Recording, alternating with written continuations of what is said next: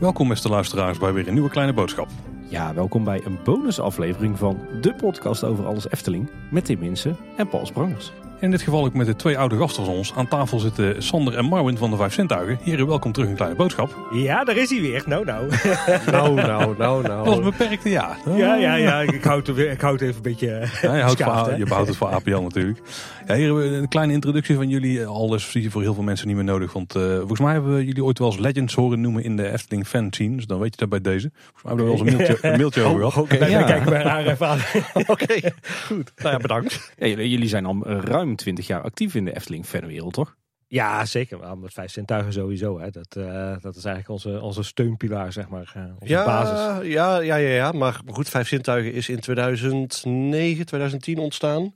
En ik ken jou sinds 2004, dus voor mij iets korter. Maar, Ietsjes korter, eh, maar- ja. Maar we gaan al lang mee. Ja. Nou, als jullie een eh, projectje starten, dan halen we dat meestal graag aan in onze afleveringen. Want eh, ja, dat kunnen we toch wel gewoon melden. Jullie maken veruit de beste Efteling documentaires die je maar kunt vinden op het internet. Er zijn niet zoveel, hè. Dus, eh, nou, er zijn, nou, er zijn er stiekem steeds meer. En Efteling maakt ze zelf ook. ja, dat is waar. Dat is En waar. die van jullie gaan er toch ook stiekem wel, wel boven. Maar dit is denk ik wel het langste project wel überhaupt wat we, Ja, wat ja, wat we ja, gedaan dat hebben. wel. Hey, eh, voordat we echt meteen de materie induiken, even nog voor de mensen die, eh, onze luisteraars die niet zo goed ingevoerd zijn. Ik heb hier dus tegenover zitten Sander Roeling en Marvin van der Hoeven, van tegenwoordig in ieder geval, of de, de laatste jaren, de vijf zintuigen. Onder meer bekend van de diverse interviews, de, eh de pubquizzen natuurlijk in de Efteling, de verschillende documentaires, eh, maar ook bijvoorbeeld de podcast Afterpark Lounge, eh, video's over Europa Park. Nou, de, de- de- mis ik dingen? Eh, Vast wel. video's over de Efteling, making of van de Python. eh, ja, Ja. dat soort zaken. Ja. Kijk, dus de, toch Paul, wat jij al zei, het, het zijn wel legends onder de Efteling-liefhebbers, ja. Wat ons betreft wel. Hè? De vorige productie eh, die, eh, die ik gezien heb van jullie is eh, natuurlijk de Ruud Bos docu. Ehm, maar dat is inmiddels alweer eventjes geleden, want jullie hebben de laatste tijd eh, zijn jullie bezig gegaan met een nieuw project, hè?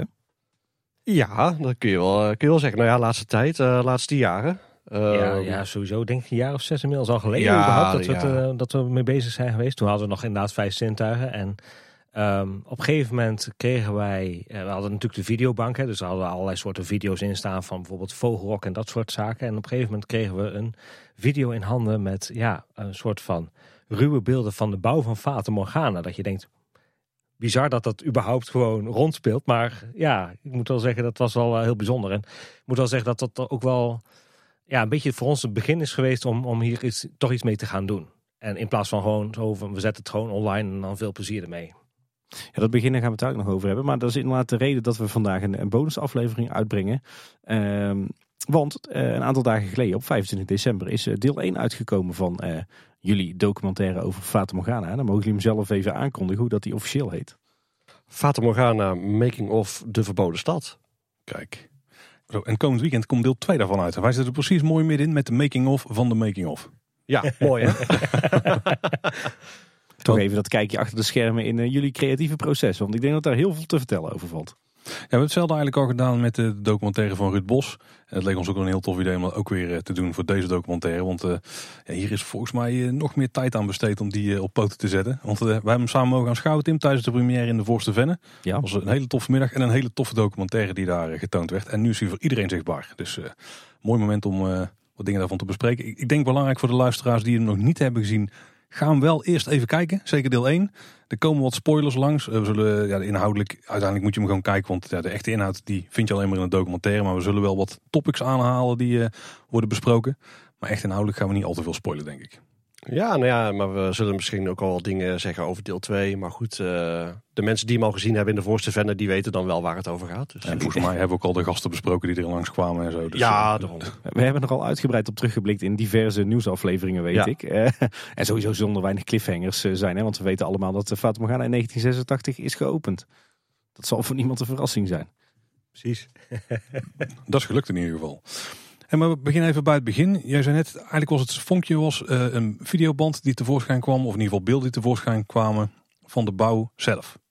Ja. Die heb ik nog nergens gezien voor jullie documentaire. Nou, st- sterker nog, heel veel van de mensen die dus ook op de première aanwezig waren, die hadden hem ook nog niet eens gezien. Dus, de, of althans, delen daarvan. Mensen die aan de bouw van de vaten hadden gewerkt, die wisten niet eens dat die band bestond. Dus eh, Als er niemand zien langslopen met de camera, dat was Peter Koppelmans toch? het, het, het- ja, in de meeste gevallen zal het Peter Koppelmans geweest zijn inderdaad. Kwamen ook pas later achter, maar dat, daar komen we nog wel op. Maar eh, nee, we, we hadden het tussendoor met interviews al zo van... Ja, oh, er staat wel op beeld. Huh, beeld, beeld, hoezo, welk beeld? Ik zeg, ja, gewoon op de video eh, die geschoten is. Eh, video geschoten, dus... eh, ja, best wel bijzonder dat die band überhaupt boven water kwam en ook bij ons terecht kwam.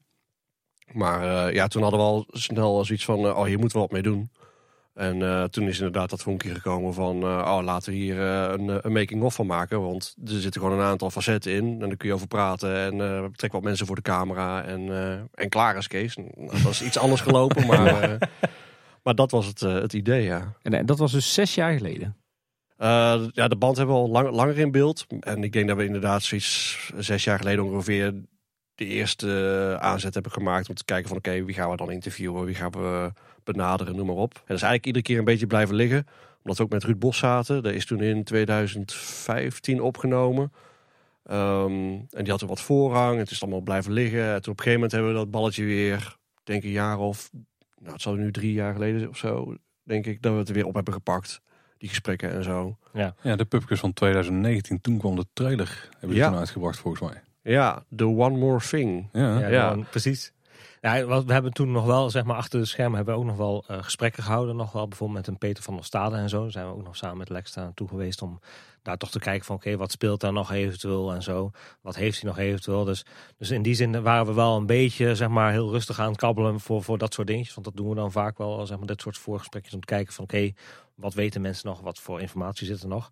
Maar ja, uiteindelijk inderdaad is het vanwege Ruud Bos inderdaad echt wel ja, blijven liggen. Of althans, in ieder geval, eh, eh, eh, ja, gestald. En eh, volgens mij net voordat Ruud Bos klaar was, of die première in 2019, hebben we het echt weer opgepakt, die gesprekken. En eh, daarna is het allemaal heel snel gegaan. Ja, en dat, de- daar liepen dus niet parallel nog andere vijf zintuigen projecten langs. Ehm, nee, op dat moment niet volgens mij. Nee, want een van de dingen die daar ook wel, denk ik, wel een beetje mee, in, eh, mee speelde, is dat eh, zeker in eh, begin 2000, 2020 ehm, Peter van der Stade over- overleed. En dat was voor ons ook wel zeg maar, een soort van kickstart van nou, nu wordt het toch wel, wel even gewoon eh, gas erop. Want eh, ja, voordat we andere mensen, zeg maar, eh, Ja, we waren eigenlijk de eerste eh, mensen echt weer aan het benaderen van eh, we gaan weer even samen zitten om die opnames in te plannen. En ja, toen kwam dat. En dat was wel even een flinke domper, ja. ja, Ja, dan weet je dat je inderdaad vaart moet gaan maken. Want hoe lang leeft iedereen nog? Ja, Nou heb je het idee van we gaan er een documentaire van maken. Want dat idee was dus al vrij vroeg. Ja, nou, een- nee, ja, eigenlijk niet. Dat is later, eh, ja, eh, meningen verschillen daar een beetje over. Maar ik had het idee om een making-of te maken met terugwerkende kracht. Eh, en, en daarom ook die eerste trailer was echt als making-of bedoeld. De, de, dus ja, en wat ik al zei, van, ik dacht van ja, we hebben de beelden, we hebben wat foto's, we trekken wat mensen voor de camera, gewoon die eraan mee hebben gewerkt. En we hebben het vrij snel, knippen, knippen, knippen, plakken en je hebt een leuke making-of. Eh, en gaandeweg dat proces, eigenlijk na die trailer online kwam en nadat het echt begon te lopen productioneel, ja, werd, werd die, die, die sfeer en die, die verhalen, die werden zodanig anders qua, qua inhoud en vorm. Dat werd gewoon veel meer een documentaire stijl, zeg maar. Eh, en toen is het wel een documentaire geworden, maar wel met die titel, eh, ja, Making of de Verboden Stad, zeg maar. Ja, want het, is geen video van een half uurtje, hè? Nee, nee. Nee, ik, ik dacht ook eh, van, ah, weet je, eh, making of, uh, drie kwartier, een uurtje, gewoon eh, lekker een beetje hip, flashy, eh, ja, stijl van nu, zeg maar. Eh, en dat is het niet geworden, nee. Mislukt. Ja, mislukt. En dat is maar goed ook, zeg ik dan eh, even vanuit mijn positie. Want eh, even voor de mensen die hem nog niet hebben gezien, hoe lang eh, duurt nou uiteindelijk de hele eh, docu? Eh 1 uur en 52 minuten. Zo. Klinkt als een aardige kleine boodschapaflevering. Inclusief aftiteling van eh, een paar minuten.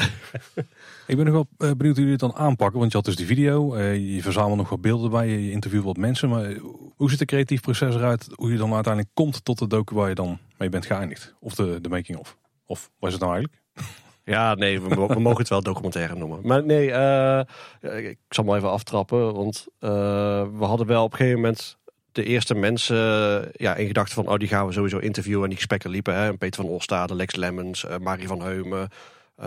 Ton was al overleden. Maar we hadden wel zoiets van... oh, misschien wil de weduwe van Ton nog iets vertellen over de reis naar Marokko. Nou, dat is later Kees Verschuur geworden. Op een gegeven moment hadden we die, die sleutelfiguren.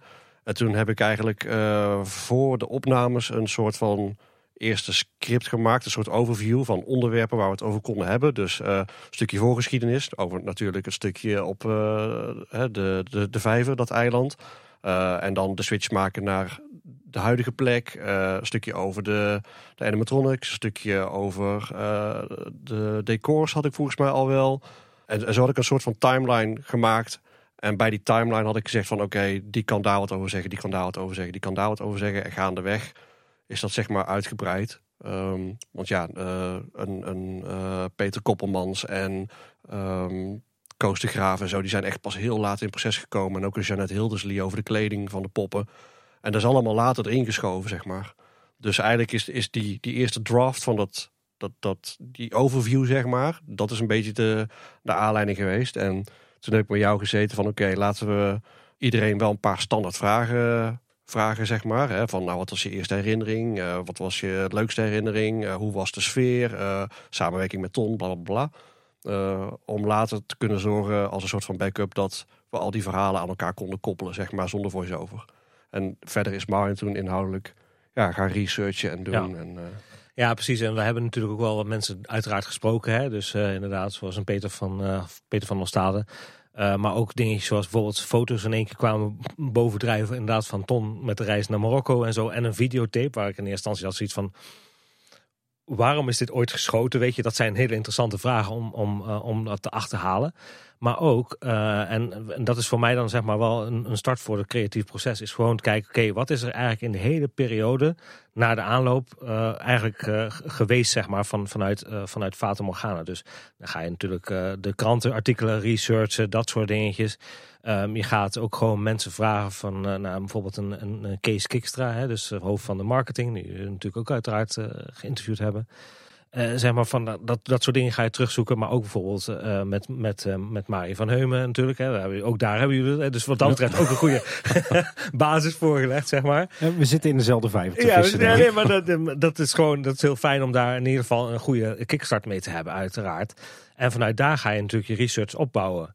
Um, en daarvan heb ik natuurlijk ook een soort van ja, gewoon logisch een tijd, ja, van tijdsvolgorde van gemaakt. Om te kijken van oké, wat is wanneer gebeurd en wat zijn daar nou de interessante links tussen?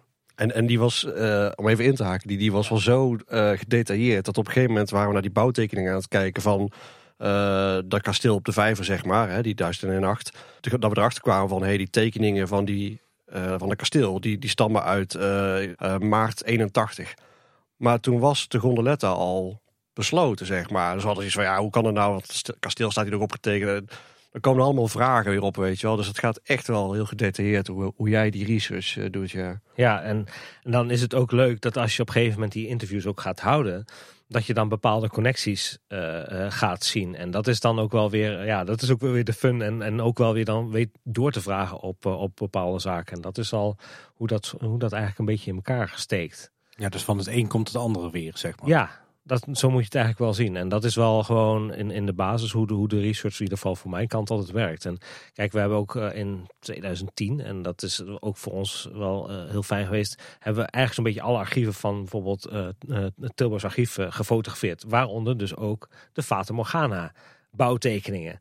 Nou, leuke zijsprong. Wij hadden zoiets van, nou weet je, we hadden het ooit allemaal gefotografeerd. En op een gegeven moment waren Sander en Melvin die gingen richting het, uh, richting het archief. Want we hadden zoiets van, we willen graag deze tekeningen goed digitaal hebben. Ja, we hadden foto's gemaakt van al die bouwtekeningen en noem maar op. Uh, maar er zaten ook heel veel documentmappen tussen. Dus we hadden iets van, laten we even teruggaan. Kijken van, oké, uh, misschien dat we een aantal tekeningen beter kunnen fotograferen of digitaliseren. Want die mogelijkheid die is er inmiddels. Uh, en uh, ook misschien met een aantal documenten, misschien vinden we nog wat interessante dingen, zeg maar. Um, en toen zijn we dus eigenlijk inderdaad teruggegaan naar het Tilburgse archief. Uh, om die tekeningen op hoge resolutie in te laten scannen. Dat ze gewoon mooi waren. en toen was het eerst van, mag dat allemaal wel? en iemand anders van het archief daar, ja, ja, dat mag volgens mij. En nou, diezelfde middag ineens van, eh, eh, ja, we, we mogen die niet eh, digitaliseren en eigenlijk hadden ze ze helemaal niet mogen zien en noem maar op en eh, niet openbaar en eh, Maar, maar waarom Toen dan? al Was niet. dat vertrouwelijke informatie? geen idee. Het, het wordt bes- bestempeld inderdaad als vertrouwelijke informatie, maar in principe gaat het om, eh, om, om eh, eh, bouw, ja, zeg maar, bouwvergunningen en dat soort dingen. Dus als het goed is, voor zover ik het juridisch heb na kunnen, na kunnen trekken, is het gewoon dat het gewoon openbaar moet zijn. Want ja, eh, dat is zo eenmaal met die wetten van, van, openbaar, van openbaarheid van bestuur. Maar correct. Ja, precies. Ja, de, inderdaad. De wet openbaar Maar bestuur. eh, blijkelijk eh, eh, heeft Efteling een goede stevige poot daar. Dus in die zin eh, krijg je het niet te zien. En het was ook elke keer vanuit de archivaris van, van Tilburg. Van ja, eh, ja, als jullie van de Efteling toestemming krijgen, dan, eh, dan is het goed. Nou ja, goed. In principe zijn zij geen, eh, geen partij in deze zaak. Maar ja, goed. Weet je, je kunt daar hele juridische zaken, maar dat wordt duur, de docu En- alleen maar duurder van. En de Efteling heeft weer als policy, wij Ja. maken geen bouwtekeningen openbaar. Dus Nee, ja, ja, dus, dus Lastig, ja. Jullie melden net al, het, het script dat groeit terwijl je mee bezig bent. Maar is er ook een moment dat je zegt van nu is het gewoon wel klaar. Nu moeten we echt een streep trekken. Anders dan gaan we hier nog tot het einde der tijden mee bezig gaan. ja, die, ja, we kijken elkaar aan. Maar eh, eh, ehm, wij hebben dat altijd nog wel zo. Hè? We we proberen het er nog wel voor het laatste moment erin te proppen. Ja, nou, op een gegeven moment hadden we... Ik, ik- we hadden zoveel interviews eh, ineens erbij gepakt. En toen kwam er weer iemand bij en weer iemand bij. En ik zei het op een gegeven moment. Ik zeg van ja, maar we moeten gewoon stoppen. Want die informatie dadelijk, die is gewoon niet meer te verwerken. Ook voor de kijker niet. En dan heb je dadelijk gewoon een documentaire van drie uur. En ja, ik snap dat dat voor heel veel fans misschien van, oh yes, weet je wel, maar er zit ook heel veel dubbele informatie in en noem maar op. En je moet, je moet gewoon filteren. Ik zeg van ja, weet je, het heeft gewoon geen zin meer. Want als ik die documentaire nog een beetje ja, in een bepaalde tijd wil proppen, ja, reken maar uit. eh, dan, dan heb je zoveel mensen, eh, zoveel minuten. Ja, dan heb je maar eh, zoveel minuten per persoon aan, aan praattijd. Ik zeg ja, hoe meer personen, hoe minder praattijd of eh, hoe langer dat ding wordt. En ja, eh, ja, is het nog wel interessant om diegene echt te interviewen? Moet dat wel? Ja, ja maar die Jeannette Hulderslie, eh, ja, ja, oké, dat is wel interessant. Ja, en die ook, ja, oké. En, en ja, Peter Koppelmans ook. Ja, maar hm, wat, wat dan? En, nou, en dan gaandeweg ineens komt er weer een foto naar boven waar Peter Koppelmans op staat. En je denkt van, oh, daar moeten we iets over vragen. En dan krijg je weer een hele andere dimensie aan die documentaire. Maar ja, ik had op een gegeven moment wel echt een beetje vrees van, eh, we moeten wel stoppen. Het Ja, gaat nooit ophouden. ja, Het, het was echt een groeibriljant, zeg maar. ja. ja. Maar hadden jullie op een gegeven moment wel een stip op de horizon? Want op een gegeven moment, de première is aangekondigd. Eh dat wisten we volgens mij een maand of twee, drie van tevoren, denk ik. Ja, zoiets. In, Ja, zoiets. Ja. Wanneer Was we het aangekondigd? Eh, ja, de première zelf hebben we in juni of juli of zo aangekondigd. Ik weet niet meer uit mijn hoofd. Maar de trailer heb ik in maart volgens mij gereleased. Hoe ver was de documentaire op dat moment? Ehm, redelijk ver al. Ik heb in maart eh, dat ding gereleased. Toen waren alle interviews al opgenomen. De laatste interviews waren januari, volgens mij eind januari 2021, dit jaar. In de Efteling met Peter Koppelmans en Koos de Graaf. Eh, en toen had ik natuurlijk alle, alle beelden al. En wat ik heel veel heb gedaan is... ehm, ik heb na elke opnamedag heb ik gelijk al het materiaal ingeladen. En ik heb het gelijk opnieuw gespot. En ik heb gelijk alles gemarkeerd, zeg maar. Dus, eh, want dan zit het nog vers in mijn hoofd. En dan weet ik van, nou ja, hier en hier is het over gegaan. Dus is het bijna versneld, zeg maar, weer terugkijken.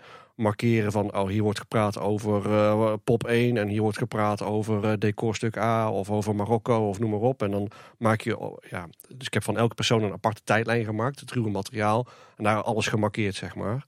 En op een gegeven moment ja, helpt dat dan in je montageproces. Dus ik kon van al die quotes en al die beelden kon ik heel snel ook een trailer maken van oh dit is een quote die ik 100% ga gebruiken en die is trailerwaardig. Dus op die manier kon ik al heel snel die trailer releasen zeg maar. En eh, ja, al die, eh, die delen die zijn vrij snel eh, gemonteerd. En dan kom ik zo meteen misschien nog op op het montageproces. Ja, die documentaire die stond halverwege april stond die voor eh 90% al. Oh, oké, dat wel. Ja, Ik denk er is nog tot de laatste minuut aan gesleuteld. dat ook. Ook, ook nog wel. Ja. Ja, hoor. Ja. Ook dat, ja. Maar dat waren dan meer de, de details, de edit, zeg maar. Ja, ja. De, ehm, ik weet niet of jullie al over het montageproces willen, maar... eh, Ah, die staat voor later deze aflevering. maar dan, dan zal ik dat bewaren hoe ik, eh, hoe ik dat gedaan heb en, eh, ja, en hoe we dat dan schaven met die details. Ja. Hey, nog even terug naar dat creatieve proces, want daar ben ik wel benieuwd naar. Je vertelde net, Marvin, en er was een, een chronologische tijdlijn. Mhm. En de docu is natuurlijk ook chronologisch. Maar voor mijn gevoel zit er ook heel erg de, de, de indeling in op basis van thema. En eh, dat was iets wat volgens mij redelijk nieuw is voor een vijf zintuigen documentaire. Maar dat kwam wel, eh, voor mijn gevoel, wel vrij ver aan de oppervlakte drijven. Hoe, hoe zit dat? Je, je, je begint wel in eerste instantie met een, met een lijst van mensen die, je- die je graag wil hebben. En dan liefst, ja, nou, Kees Kikstra voor de marketing. We kijken natuurlijk ook voor oude documentaires terug. Inderdaad, voor natuurlijk Ruud de Klerk, de eerste die we ooit eh, gemaakt hebben. Daarin dus oud-directeur, die toen ook Vater Morgana heeft geopend. Maar ook bijvoorbeeld Tom van der Ven. Eh, dus je hebt al een bepaalde set met, eh, met mensen die je zou kunnen. En dan ga je kijken van oké, wat mist er dan überhaupt nog? Dingetjes over kleding. Ik vond het zelf altijd reet interessant, eh, zeg maar, dat Janine Lambres, zeg maar, altijd opgesteld stond voor, voor kleding. Dus wij, voor ons heeft het natuurlijk een beetje een zoektocht van oké, leeft zij überhaupt nog? Wat is er überhaupt nog ter beschikking? Ik heb ook wel internet research daar gedaan van ja, wat is over haar nog te vinden? Maar goed, even terug naar dat, dat proces. Dus je probeert van eigenlijk van elke tak van sport probeer je wat, wat te pakken. En dan kom je eigenlijk al heel snel op een thema. Nou, we hebben ook heel snel voor besloten om te zeggen van weet je wat, we doen ook geen voice-overs meer. En nou ja, wat, wat moeten we dan als lijm gebruiken? In dit geval was dat dan Lex, zeg maar, die dus dan eigenlijk alle onderwerpen zo'n beetje tussendoor, ja, een soort van, van inleidend eh, iets was, hè? Ja, nou, dat, dat, het was voor mij meer de wens en de uitdaging om eens een keer een documentaire te maken zonder die voice-overs. Die iedere keer, eh, oh, we gaan nu van eh, onderwerp A naar onderwerp B.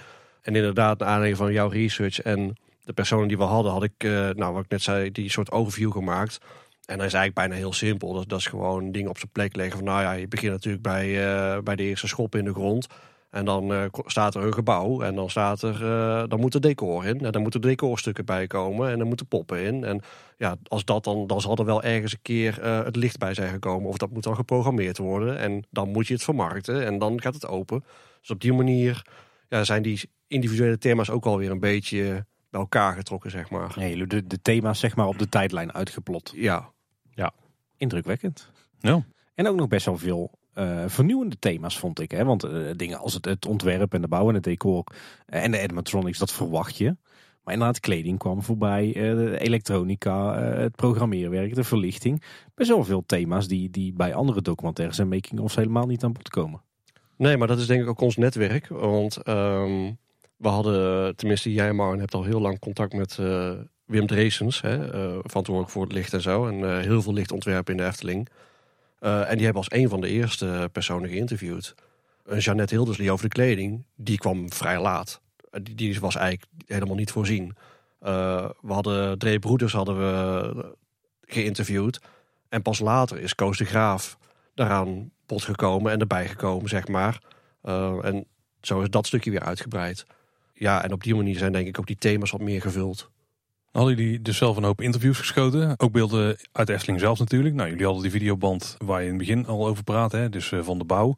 En er zijn nog andere video's tevoorschijn gekomen. Hoe kwamen jullie aan al het materiaal buiten degene die jullie zelf hebben geschoten? Ja, lang leven families en mensen die dingen bewaren. Ja, dat, dat, dat gaat heel ver. Dus inderdaad, hè, de beelden van eh, Marokko, die kwamen eh, in het begin eh, van de familie van de Ven. Die hadden ergens nog een eh, koektrommeltje met wat eh, foto's en polaroids en, eh, en noem maar op. Eh, nou, t- toen ben ik gewoon met, een klein setje foto's eh, naar huis gegaan. Die heb ik ingescand. Ik wist ook helemaal niet van, ja oké, Ton is naar Marokko gegaan. En eh, oké, ik scan wat foto's in. Nog helemaal geen beeld, geen verhaal, niks. Eh, toen kwam die tape van Ton. En ik had zo, oké, referentiemateriaal. En ook voor zijn tekeningen en noem maar op. Of voor decorbouwers. Eh, en toen later eh, kwam eh, ja, Kees Verschuren, die mee is gegaan aan bod vanuit de familie. Zo van, nou, misschien kun jij nog wat vertellen. En die had weer een enorm fotoboek met alle foto's. Wat vertellen? Ja, Meer dan wat verteld. ja, en dan hebben we er nog heel wat uitgeknipt. Eh, maar maar eh, en, en dat, dat is dan ook grappig als je dan zo'n eh, interview draait, zeg maar. Dan vallen ineens voor mij al die puzzelstukjes op zijn plek. Dus ik had die foto's, die had ik al voor een deel gezien. Ik had de band al gezien. En toen pas ging bij mij eh, alles op zijn plek vallen. Van, oh, hier gaat het over. En hier zijn die beelden van. En daarom is dat geschoten. Of, en dan eh, gaat het heel snel. En zo gaat dat bij iedereen. En eh, ja, eh, ook een Jeannette Hilderslee, ja, die trok ineens een la open met wat foto's. Uh, maar ook een laadje met nog originele tekeningen die ze had gemaakt van de kleding. Ja, dat Ja, verzie je niet, zeg Ja. maar. Nee, precies. Dan maak je hart wel even een sprongetje, denk ik. dan, dan maakt je hart een enorme sprong. En dan, dan ligt je kamer vol met originele tekeningen. En dan ben je een hele avond, vier uur lang, alles in super hoge resolutie aan het inscannen. En dan denk je van ja, wat ben ik aan het doen? Als je dan kijkt zeg maar, naar de aanleiding daarvan, zoals ik al zei, hè, we hadden het over die eh, Janine Lambrechts. Zeg maar over eh, van oké, zij, zij stond altijd opgesteld als zijn de, kleding. Nou goed, dan ga je dus ook gewoon kijken, oké, kan ik iets op internet van haar vinden over eh, van, haar? Nou goed, uiteindelijk was daar dus heel weinig over te vinden.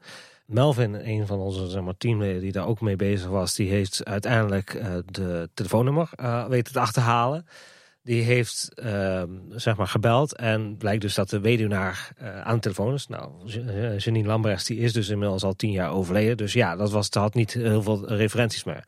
Maar goed, dan ga je toch nog weer eens wat rondvragen. En dan blijkt dus in één keer dat eh, andere mensen zeggen... ja, maar zij, was daar nooit, stond daar nooit voor opgesteld. Je moet je net Hilderslee zien te krijgen. Die, eh, die eh, is naar onze mening is die, is die verantwoordelijk voor de dingen. En eh, dat, dat heeft nog een hele tijd geduurd. Dus je merkt ook bijvoorbeeld daarin dat bijvoorbeeld als we het op het thema gesorteerd hebben, is ook niet allemaal de, dezelfde volgorde opgenomen. Ja, of als je mensen, be- maar even terug, Ja. als je mensen benadert ook van, goh, weet je iets of heb je iets of informatie of misschien nog wat foto's of iets anders. Ja, dat, dat, dat is gewoon een soort balletje dat gaat rollen. En dan ga je van het een naar het ander en dat is een beetje go with the flow. En ja, zo kom jij dan ook weer iedere keer Ja. op nieuwe dingen. Precies, en, en eh, goed, uiteindelijk hebben we dus ook haar dus inderdaad weten te benaderen. En, en uiteindelijk heeft ze daar ook, eh, zeg maar, want dat was ook nog altijd eventjes een beetje spannend of ze, of ze dan ook natuurlijk voor de camera wil. Want ja, weet je, niet iedereen eh, die, die is daar gelijk voor en zo. Maar uiteindelijk hebben we toch ja, op een middagje hebben we daar kunnen filmen daar. Ja. Wat overigens ook wel leuk is, wel even een leuke zijstap misschien. Eh, op een gegeven moment hadden wij die interviews hadden we dus helemaal klaar, nou, opgenomen en zo. En ze had ook een soort van klein ateliertje heeft daar, naast een hele eh, evenementenlocatie. Dus ze kreeg een soort van rondleidingje daar. En op een gegeven moment eh, ze- zei ze ook zo te lopen, ja, ja, ik heb ook voor uh, Geesing Studios gewerkt. Hè? Geesing Studios? Ja, ja, ja, voor, eh, voor de sterreclames. Eh, dus zij heeft bijvoorbeeld ook alle props gemaakt voor Loekie de Leeuw. Oh, wat Ah. gaaf. Ja, dat, dat is ja, Ja. weet je. en dat zijn al van die te loopse, ja, gewoon Ja, koek, op. Ja, ja. like wat? Hey, eh, we zagen best wel wat tekeningen van eh, Tom van der Ven, maar ook van Anton Pieck voorbij komen hè, in de docu. Ja, ja tekeningen en, eh, en foto's. Tekeningen inderdaad, die, eh, die waren al bekend. Maar ook tekeningen die eh, sommige mensen toch wel thuis eh, hadden liggen. Eh, nou ja, Mari had een tekening mooi ingelijst. Lex had nog ergens een tekening liggen. Dus die hebben we, nou die van Lex die kon ik heel netjes en voorzichtig inscannen. Die van Mari zat helemaal ingelijst. Het is maar nog met een lichttent bij mij gekomen om die, die tekening echt helemaal te fotograferen, zeg maar. Dus die hebben we gefotografeerd. Ehm, en op die manier hebben we weer heel veel tekeningen inderdaad erin gekregen. En eh, ja, die foto's, en met name van Anton Pieck, dat was wel, eh, dat was wel lachen. Want dat was ook weer... ehm, ja, we, we vallen van de ene verbazing in de ander. Maar eh, we hebben toen op een gegeven moment het Anton Pieck Museum benaderd. Van, goh, die tentoonstelling is ooit geweest van Tom van der Ven. Hebben jullie daar misschien wat dingen van of beelden? Of ja, en misschien zelfs nog wat tekeningen die jullie voor promotie hebben gebruikt. Die we zouden kunnen gebruiken. Nee, nee, dat hebben we niet. Ja, en er zijn nog werktekeningen van Piek en ja, de, de van Duizend en Nacht. Eh, hebben jullie daar dingen of goed ja, gedigitaliseerd of noem maar op. Nou, kom een keer praten. Nou, Francine Oonk, die kennen jullie ook. eh, Zeker. hè, achterkleindochter. Die, eh, die hebben we toen gesproken. En eh directrice van eh Antropiek Museum, Mathilde Stam. Toen hebben we een stukje laten zien al van Marokko. Van nou, dit is wat we hebben aan beeld. Oh, wat gaaf. Oh, dus Francine zegt, nou, ik zal eens kijken in de familie of er nog überhaupt iets is van de reis van Piek naar Marokko. Want dat had Ton ook weer geïnspireerd en noem maar op. En voor duizend en één nacht voor die sprookjes die Piek eh, natuurlijk heeft getekend. Op een gegeven moment krijg je, eh, een week later, krijg je van... eh, ja, ehm, er is een fotoboek gevonden met foto's van die, die Anton Pieck heeft gemaakt in Marokko. Zo. En ehm, ja, als jullie willen, dan kunnen we kijken of dat we de, ja, een soort van bruikleenovereenkomst en dan kun je die lenen. Dus ik heb eh, ja, met, ja, met handschoentjes eh, al die foto's eh, die Piek had gemaakt. dus dat was echt een fotoboek. Ja, hebben we toen mogen lenen. Heel dankbaar voor. En die heb ik toen heel voorzichtig uitgeplozen bij mij. En, en ja, allemaal één voor één ingescand. En dat waren vaak ook ansichtkaarten. Want ja, ik had dus iets van ja, in 1937 met een fotocamera rondlopen. eh, dat, is niet voor iedereen weggelegd. Heel veel bleken ansichtkaarten te zijn. En toen van Lissabon en toen van dit en toen van dat. Eh, en toen kwam ik ook achter van oké, dit zijn echt fotootjes die Anton Pixel heeft gemaakt. En die heb ik allemaal ingescand, allemaal gecategoriseerd. Want dat hebben wij dan als tegenprestatie geboden. Zeg maar van nou, dan zorgen wij dat je het ook gewoon in hoge resolutie gelijk gedigitaliseerd terugkrijgt. Dan is het gewoon ook gelijk eh vereeuwigd eh, digitaal. En lachen was dat er zat echt een heel klein vierkant fotootje in. Eh, nou, iets groter dan een postzegelformaat. En ik scan al die dingen, scan ik echt op super hoge, hoge resolutie in. En op een gegeven moment zoom ik in en ik zeg, verdomme, volgens mij staat Anton Pieck gewoon zelf op die foto. Dus wij die foto doorgestuurd naar, eh, naar Francine. Zo van, goh, eh, is dit te verifiëren of niet? Ja, die viel achterover op een stoel, want dat had niemand nooit gezien. Maar, eh, maar goed, eh, eh, dus al die foto's ook gefotografeerd, ingescand. En ja, zo kom je dan ook weer daaraan. En ja, zo vult zich dat iedere keer. En nou de boeken van Duizend en Een Nacht die zijn uitgegeven. Nou, ook ergens op Marktplaats op de kop getikt om eens door te bladeren en te doen. Ja, zo, zo vul je al die dingen. Ja, toch mooi hoe dat inspiratie was voor Tom van der Ven voor de Fata Morgana. Maar nu ook weer voor Sander de Bruin voor de wereld van Simbad. Ja, ja, absoluut. Ja, als je kijkt naar de, de, de hè, echt, echte boeken van, eh van Duizend en Een Nacht, naar, naar die eerste serie, zeg maar, waar al die, eh, die, die losse tekeningetjes in zitten. Ja, ik denk dat je daar heel veel verwijzingen van daar terug gaat zien in eh, de wereld van Simbad, ja. En jullie hebben ook nog wat beelden uit de eerdere documentaires her- hergebruikt. Onder andere die van Tom. Want die was helaas natuurlijk niet meer eh, beschikbaar om eh, dingen te vertellen specifiek over Fata Morgana. Zijn jullie dan behouden in het gebruik, hergebruik van die beelden of eh, was dat gewoon een no-brainer? Ja, no-brainer. Eh, ik heb al die beelden. de Ruud Klek was overleden. Tom van der Ven was overleden. Eh, wie heb ik? Ruud Bos hadden we al geshoot. Dus daar was geen reshoot voor nodig. Dus ik heb al het ruwe materiaal heb ik bij elkaar gehaald van al die projecten. Ik, ik heb letterlijk de.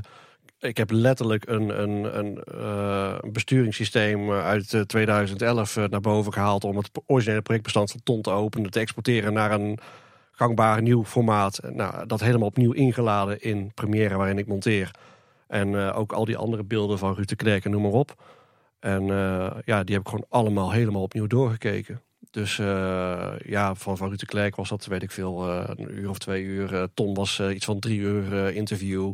Ja, Ruud Bos eh, dan wat minder lang. Maar goed, ook weer dat hele stuk ruw eh, gekeken. En eh, ja, ook weer aantekeningen gemaakt van... hey, wat is interessant, wat is niet interessant. En ik heb met Marvin hebben wij een, ja, een server, zeg maar, in verbinding staan met elkaar. Dus ik heb mijn projectbestand en die ruwe bestanden staan ook bij Marvin gesynct. Dus ik kan mijn projectbestand kan ik uploaden. Dan kan Marvin dat weer openen. En die kan dan ook naar dat ruwe materiaal kijken of aantekeningen maken of nieuwe, ja, of voor zijn scripts. Ja, op basis daarvan ga je gewoon weer opnieuw kijken van wat is bruikbaar. Eh, welke quotes heeft iemand gemaakt eh, en zijn van toepassing op dit project. En bij Ton is dat eigenlijk, eh, zijn het fragmenten iedere keer geweest van, ja, dat, dat interview was drie uur lang. En dan vertelt hij hier iets over hoe die, is hoe die dingen heeft ontworpen. Dan vertelt hij, ik noem maar wat, een half uur later iets over Fata Morgana. En dan veel verderop vertelt hij iets over de samenwerking onderling met Henny Knoet. En nou, al die fragmenten heb ik weer bij elkaar gesprokkeld. En daar heb ik één ontwerpstukje van gemaakt. Eh, zoals het nu in de documentaire zit in Fata Morgana. Dus dat is dan weer opnieuw een, ja, een nieuw lopend verhaal geworden, zeg maar. Dat kun je helemaal opnieuw knippen en plakken en monteren. Eh, dus als je kijkt naar de documentaire van Tom van der Ven los... dan zul je al die fragmenten die je nu in de Vata-docu hoort... die zul je dan ineens heel verspreid terug horen komen. Wat ook trouwens wel heel grappig is, is dat, eh, want eh, zoiets van, willen we toch ook weer een klein beetje plussen. Hè? Dat is dan ook wel weer af en toe van, vanuit mijn kant weer iets van. Op een gegeven moment heeft Ton het inderdaad ook over hè, de beeld, hè? Dus, eh, dat, dat tijdschrift zeg maar, waarin hij dus die, die foto's had. Nou ben ik dus weer op, op gaan, gaan researchen op internet van, kennen we dat niet ergens vandaan trekken? En uiteindelijk heb ik in Duitsland een, eh, een, eh, een, een website gevonden die dat dus inderdaad nog had. En zodoende hebben we dus ook weer dat, dat tijdschrift zeg maar weten te achterhalen. Zeg maar echt gewoon nog dat jaren tachtig papier, dat, dat ruik je gewoon helemaal. En dat heb jij toen nog weer ingescand zeg maar. Ja, ja, ja, je hebt het over de, het weekblad De Sterren. Oh, De Sterren, dat was het, ja. onendliche Ja. Eh, want daar had eh, Ton alweer iets in gezien. En eh, daar heeft hij niet dan weer een tekening op gebaseerd van eh, de martelkamer. En inderdaad, dat hadden we bij de Ton van de Ven documentaire hadden we, hadden we dat nooit opgezocht en gedaan. Nee. En nu was het van ja, nu gaan we ook verdomme kijken of we dat kunnen vinden. En jullie zijn helemaal tot het gaatje gegaan. Ja, Ja, zeker. Ja. Ja, ja. Jullie zijn niet de, de enige die hebben gewerkt aan de documentaire. Net noemen jullie Melvin al. Die heeft ons daar ook een keer bijgestaan, Tim, met Kleine Boodschap 100. Zeker, onze, onze huistechnicus toch? Bij dat evenement wel. Zeer gewaardeerd eh, eh, vanuit ons, ook vanuit jullie volgens mij. Want hij heeft heel veel werk eh, ook gestoken in de ja documentaire. absoluut. Hoe zag het team er nou uit? Nou, in het begin, nou, dat, is, dat is misschien wel grappig om te zeggen. Normaal dan, dan gaan wij filmen en eh, dan, dan komt er wel eens iemand bij. eh, een tweede cameraman, eh, Jeroen Kroon is er wel eens geweest, Christian Bal. eh, eh, die, die helpen dan mee met filmen. Eh, en eventueel Dennis Klein, die heeft eens geholpen met, eh, met ja, zo'n reflector eh, vasthouden. En dat is dan vaak één filmdag en klaar. En dan ga ik de edit in, dus ik sluit me nog net niet op. En dan bespreek ik met Marvin van nou, wat denk je hiervan, wat denk je daarvan? En weer terug. En dan zijn we met z'n tweeën weer bezig in het montageproces. Ja, en nu had ik op een gegeven moment zoiets van, dit, dit wordt te groot, dit wordt te veel. Dat is eigenlijk toen in 2020 of zo, is dat verder opgepakt. Toen hadden we net dat evenement gehad en de pubquiz. Eh, toen zijn we gelijk doorgegaan. We hadden elke maandagavond hadden we voorafgaand daaraan hadden we, ik noem even onderling, vergadering op Skype eh, met Carlo, zeg maar, van de pubquiz. En Carlo heeft ook gewoon een enorme verzameling. Ik zei van, hey, vind je het leuk om hierbij betrokken te blijven? En eh, jij bent heel goed in maken van connecties en dingen zoeken en echt, echt opzoeken, zeg maar. Ja, dingen in de supermarkt ophangen of mensen nabellen, you name it. Dus die hebben we toen eh, vrij snel erbij betrokken. We waren met z'n drieën. Nou, Piet die eh, zat er ook een beetje bij vanuit de website. Die vond, die vond het gewoon leuk. Eh, en die heeft ook wel wat contacten hier en daar. Piet is onze technische man. Onze technische man, inderdaad. En toen is op een gegeven moment Melvin erbij betrokken. omdat hij bij Vater Morgana ook gewerkt had. Ik dacht van, oh, misschien is het wel leuk. Heb je wat insights of hè, dingen die ons kunnen helpen. En op een gegeven moment zijn we gaan filmen. Toen zijn we bij Kees Kiksa geweest en bij ehm, Wim Dreesens. Toen heb ik zelf nog wat licht eh, geregeld en gedaan. En toen heb ik op een gegeven moment tegen Melvin gezegd van... Goh, eigenlijk moet het gewoon uit handen gegeven worden. Ik moet me gewoon kunnen focussen op het beeld en noem maar op. En jij bent beter in licht. Wil jij eh, voor al die volgende interviews de verlichting doen? Of de belichting, moet ik eigenlijk zeggen. Ehm, en zodoende heeft Melvin weer eh, iemand gebeld eh, voor eh, het huren van een lichtset die we iedere keer konden gebruiken. En zo is hij betrokken geweest bij de opnames ook om alles uit te lichten. En dat hebben we samen gedaan. En later in het proces is Nicky erbij gekomen. Nicky de Waal. Kennen jullie ook wel? Ja, zeker.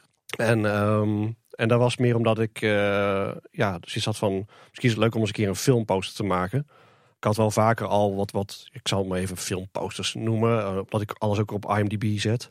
En dacht van, er moet plaatjes bij, er moeten filmposters bij. En dat had ik allemaal zelf gedaan, een keer zelf lopen knutselen in Photoshop en zo. Toen dacht ik van, nee, ik wil hier gewoon wat serieus eh, mee aan de slag. En eh, er moet ook waarschijnlijk straks een Blu-raytje komen. Ieder geval voor onszelf als team. Hè, dat doe ik dan vaak zelf branden. Een paar schijfjes en dan hartstikke leuk. Ik dacht van, nou, wil jij eens een keer tekening maken? Nou, die is daarmee aan de slag gegaan. Die heeft dus die poster gemaakt en de Blu-ray cover. En die is blijven plakken ook voor andere design dingetjes. Met titeltjes, met, met overgangetjes. eh, gewoon verder kijken, kleurgebruik. En later in het proces is daar nog eh, Lisa van Loon van de Drift bijgekomen.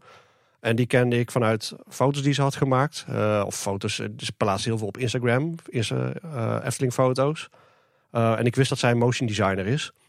En ik had zoiets van, ja, weet je, ik, ik kan alweer ook zelf gaan klooien met uh, animaties en, en titeltjes en noem maar op.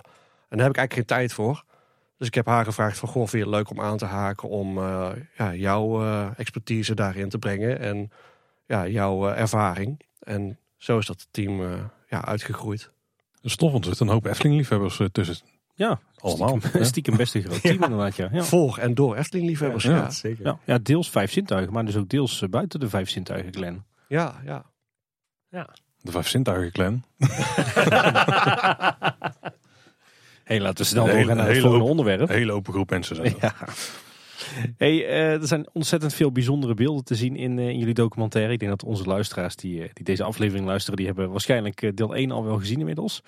Iets wat ik ontzettend interessant vond om te zien is dat er ja, de video die Ton heeft gemaakt tijdens zijn studiereis in Marokko, dat we daar heel wat van zien. Hè?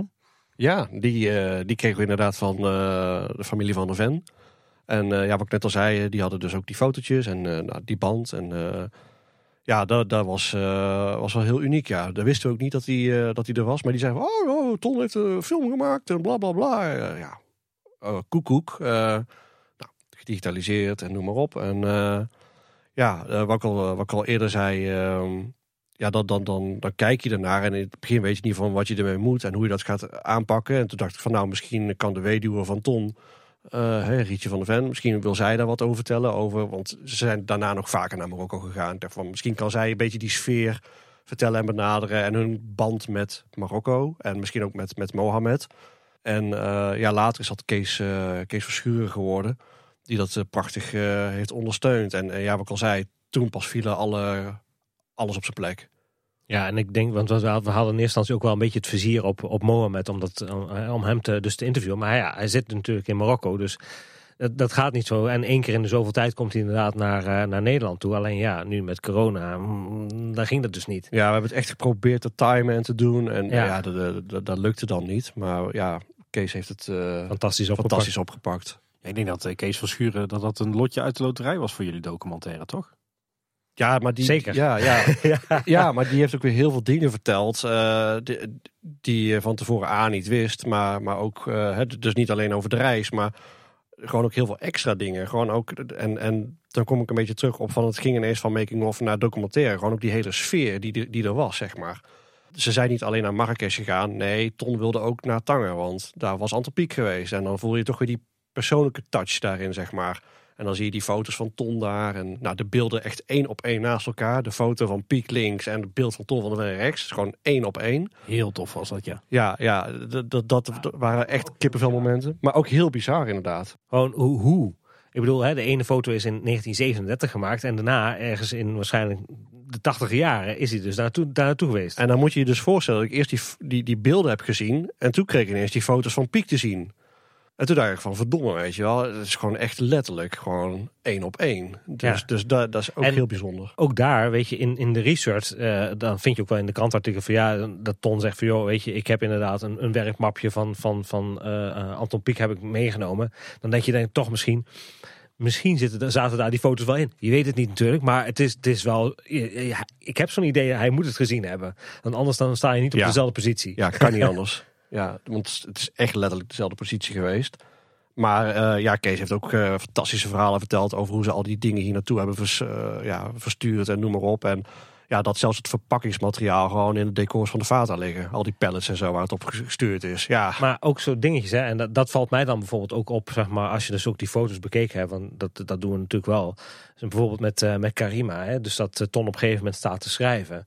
Nou, dat was in eerste instantie niet een van de foto's die ik, eh, of een van de vragen die ik gesteld had. Maar dan kom je nog met Kees toch eens even in zo'n, in zo'n soort van voorgesprekje. Zo van, ja, maar ja, ik, ik, heb, hè, ik weet dat, dat Ton, zeg maar, die, die, die is daar wat mee aan het schrijven.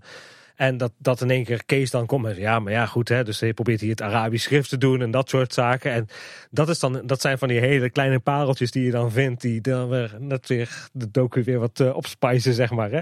ja, maar je ziet ook dat die herinneringen nog wel goed zijn blijven plakken. Want Ja. op een gegeven moment, eh, nou die band die had ik al, die had ik dan van de familie van de Ven.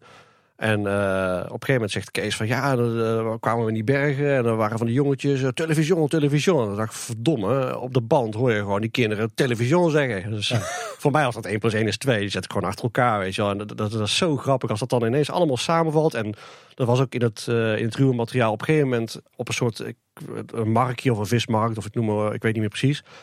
En daar is het beeld van ondersteboven. En ik begreep er helemaal niks. Ik dacht van ja, wie, wie filmt er nou ondersteboven? En toen vertelde Kees in, uh, op een gegeven moment van ja, we waren op zo'n vismarkt en Ton wilde allerlei dingen filmen.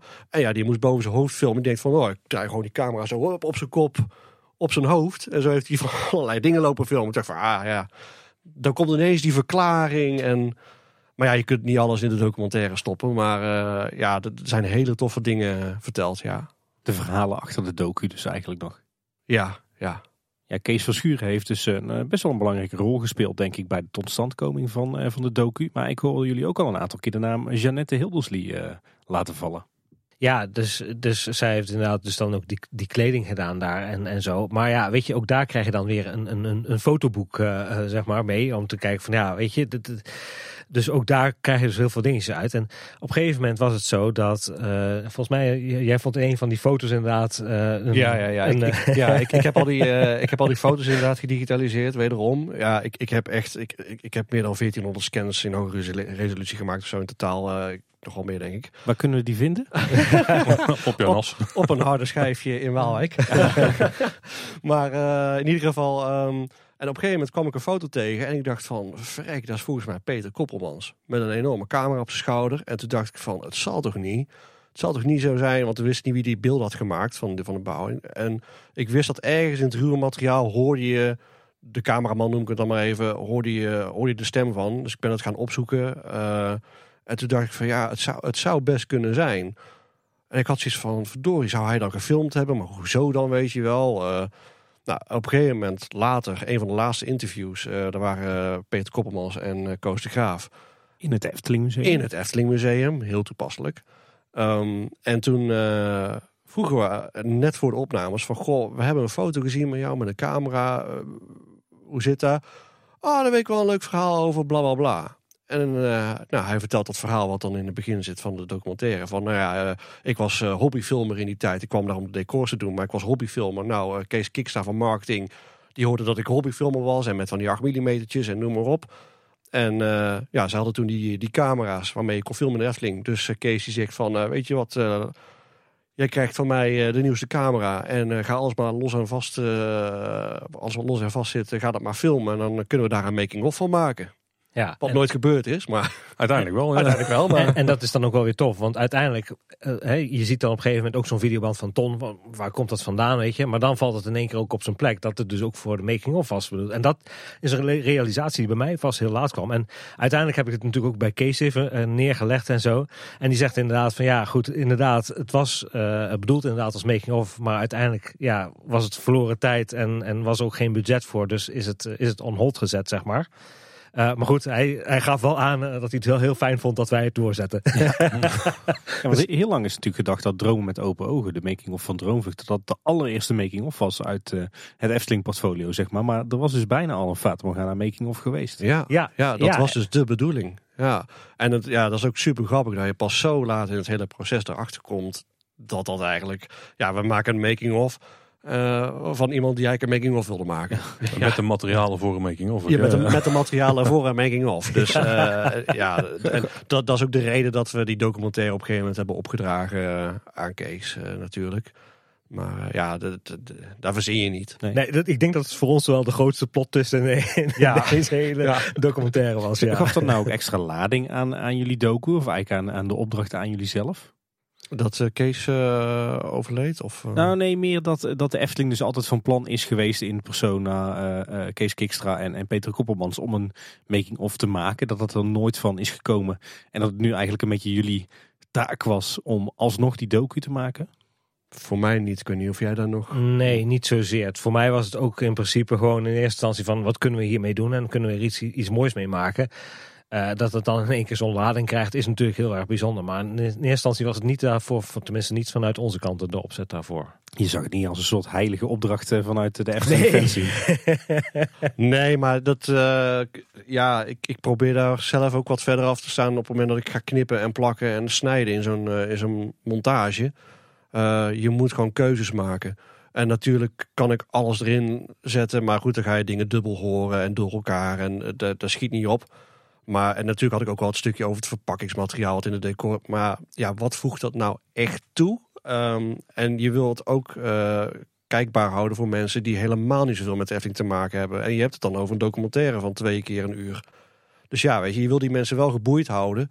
Zonder, eh, ja, wel met details, maar niet te gedetailleerd. Dat ze denken van ja, eh, hier haak ik af. Ik snap echt niet waar het over gaat. Zit er nou een groot deel van dat, eh, dat videomateriaal van Peter Koppelmans ook daadwerkelijk in de docu van de Vijf Zintuigen? Er zijn natuurlijk wel dingen die, eh, die er eh, niet in. Maar eigenlijk, ja, dat is echt een uh, opeenstapeling van verschillende beelden geweest. Verschillende stadia. Wel heel veel beelden ook van uh, rondleidingen, zeg maar, die gegeven werden. De, dus ja, en dan praat je iedere keer over 10 minuten materiaal. Ja, je hebt maar een paar shots nodig. Maar goed, uh, die paar shots die zijn er wel uitgehaald. Um, en net als dat Peter dan vertelt van, nou ja, de timmermannen, de tuinmannen, de, de decorbouwers, noem maar op. En al die beelden zijn gewoon bij elkaar weer gevoegd. Dus er zit eigenlijk van ja, die enorme waslijst aan losse beelden. En, en, ja, en, en je moet het ook zien. Eh, net, ja, net als ik, ik, ik film vanuit verschillende hoeken, zeg maar, om daar later aan elkaar te plakken. Nou, en die verschillende hoeken, die duren iedere keer per shot misschien 10 seconden. En je knipt er iedere keer drie seconden van. En zo plak je het weer aan elkaar. Nou, dat, dat is hier eigenlijk ook een beetje gebeurd. Ja, dus dat, het waren echte ruwe beelden. Ja, waren echt, echt ruwe beelden. Helemaal niet gemonteerd, niks. Uh, ja. Er was ook een hoop nieuwe informatie over het uh, nokkerschuifsysteem uh, in de documentaire terechtgekomen. Ook voor een deel dankzij die oude beelden of vooral... Mm, ja en nee. Um, we hebben zelfs wat dingen weer eruit gepieperd, om het maar zo te zeggen. Um, maar um, voor mij was het nokkenschuifsysteem, daar had ik altijd op een gegeven moment de vraag van hoe hebben ze het nou geprogrammeerd? Hoe weet je nou wat je moet zagen, zeg maar? Hè? Uh, je kunt wel zagen tot je in ons weegt, maar hoe weet je dan dat die arm die beweging maakt? En toen zag ik die beelden inderdaad met die, uh, met die inkpotjes. En toen was voor mij het aha-moment. En dat is dan natuurlijk van, nou dan moet je zorgen dat Marie van Heum dat zo goed mogelijk uitlegt en zo duidelijk mogelijk. Um, maar toen zei Marie weer in dat interview, ja, maar er is heel veel aan vooraf gegaan. De heks van de Indische waterlees, dat was eigenlijk het eerste prototype met dat nokkenschijfsysteem op, op grotere schaal met die vliegtuigkabels en noem maar op. Toen hebben ze dat ding daar gemaakt, neergezet in de vaten en bam, knalt ineens een arm naar beneden. Ja, weer gemaakt. Dag later weer bam, arm naar beneden. Nou, toen heeft Mari uh, met uh, een of andere schroevendraaier of iets uh, bij die kabels gezeten. En wat bleek nou? Ze, of de fabrikant of wie dan ook, die zei die kabels die kunnen trekken en duwen. En dat trekken, daar ging wel. Maar op het moment dat hij moest duwen, ja, dan, dan sleet die kabel op een bepaalde manier of dat ging niet goed. Wat dus de reden is dat ze aan de achterkant ja, van die veren hebben gemaakt. En die zorgen nu eigenlijk voor het duwbeweging. Dus eigenlijk wordt er eigenlijk alleen nog maar aan die kabels getrokken. En die veer die aan de achterkant zit. Ja, ik praat nu even heel technisch, dus je moet de beelden er maar even bij pakken ja. uit de docu. Maar die, die veer aan de achterkant, die zorgt weer voor de duwbeweging. Zonder dat er echt keihard geduwd wordt. Um, en dat is een lering die ze daaruit hebben getrokken. Dat hadden we in de eerste versie erin zitten. Maar ja, die uitleg die duurde ook alweer vijf minuten. Ja, en, en dan, dan, dan kijk je met meer mensen ernaar. En dan zeg ik van nou, wat, wat vind je van dit stukje? Ja, ja, mm, te langdradig. Of, maar ja, ook wat was de eerste pop, weet je wel? Ja, dat was eigenlijk een marionet. Ja, maar we hadden eigenlijk ook die bedelaars gemaakt. En we hadden ook dit gedaan. En daar moet je dan toch weer een lopend verhaal van maken. Dus Um, maar goed, er is heel veel uh, verteld uh, door Mari, uh, godzijdank. En ja, zelfs zodanig dat heel veel mensen van de Efteling zelf ook, hè, en ook de archivaris, zeg maar, hè, Gerrie van Dongen, die had zoiets van, uh, ja, ik hoor nu eigenlijk voor het eerst weer dingen die ik nog niet eerder had gehoord van Mari. Dus, uh...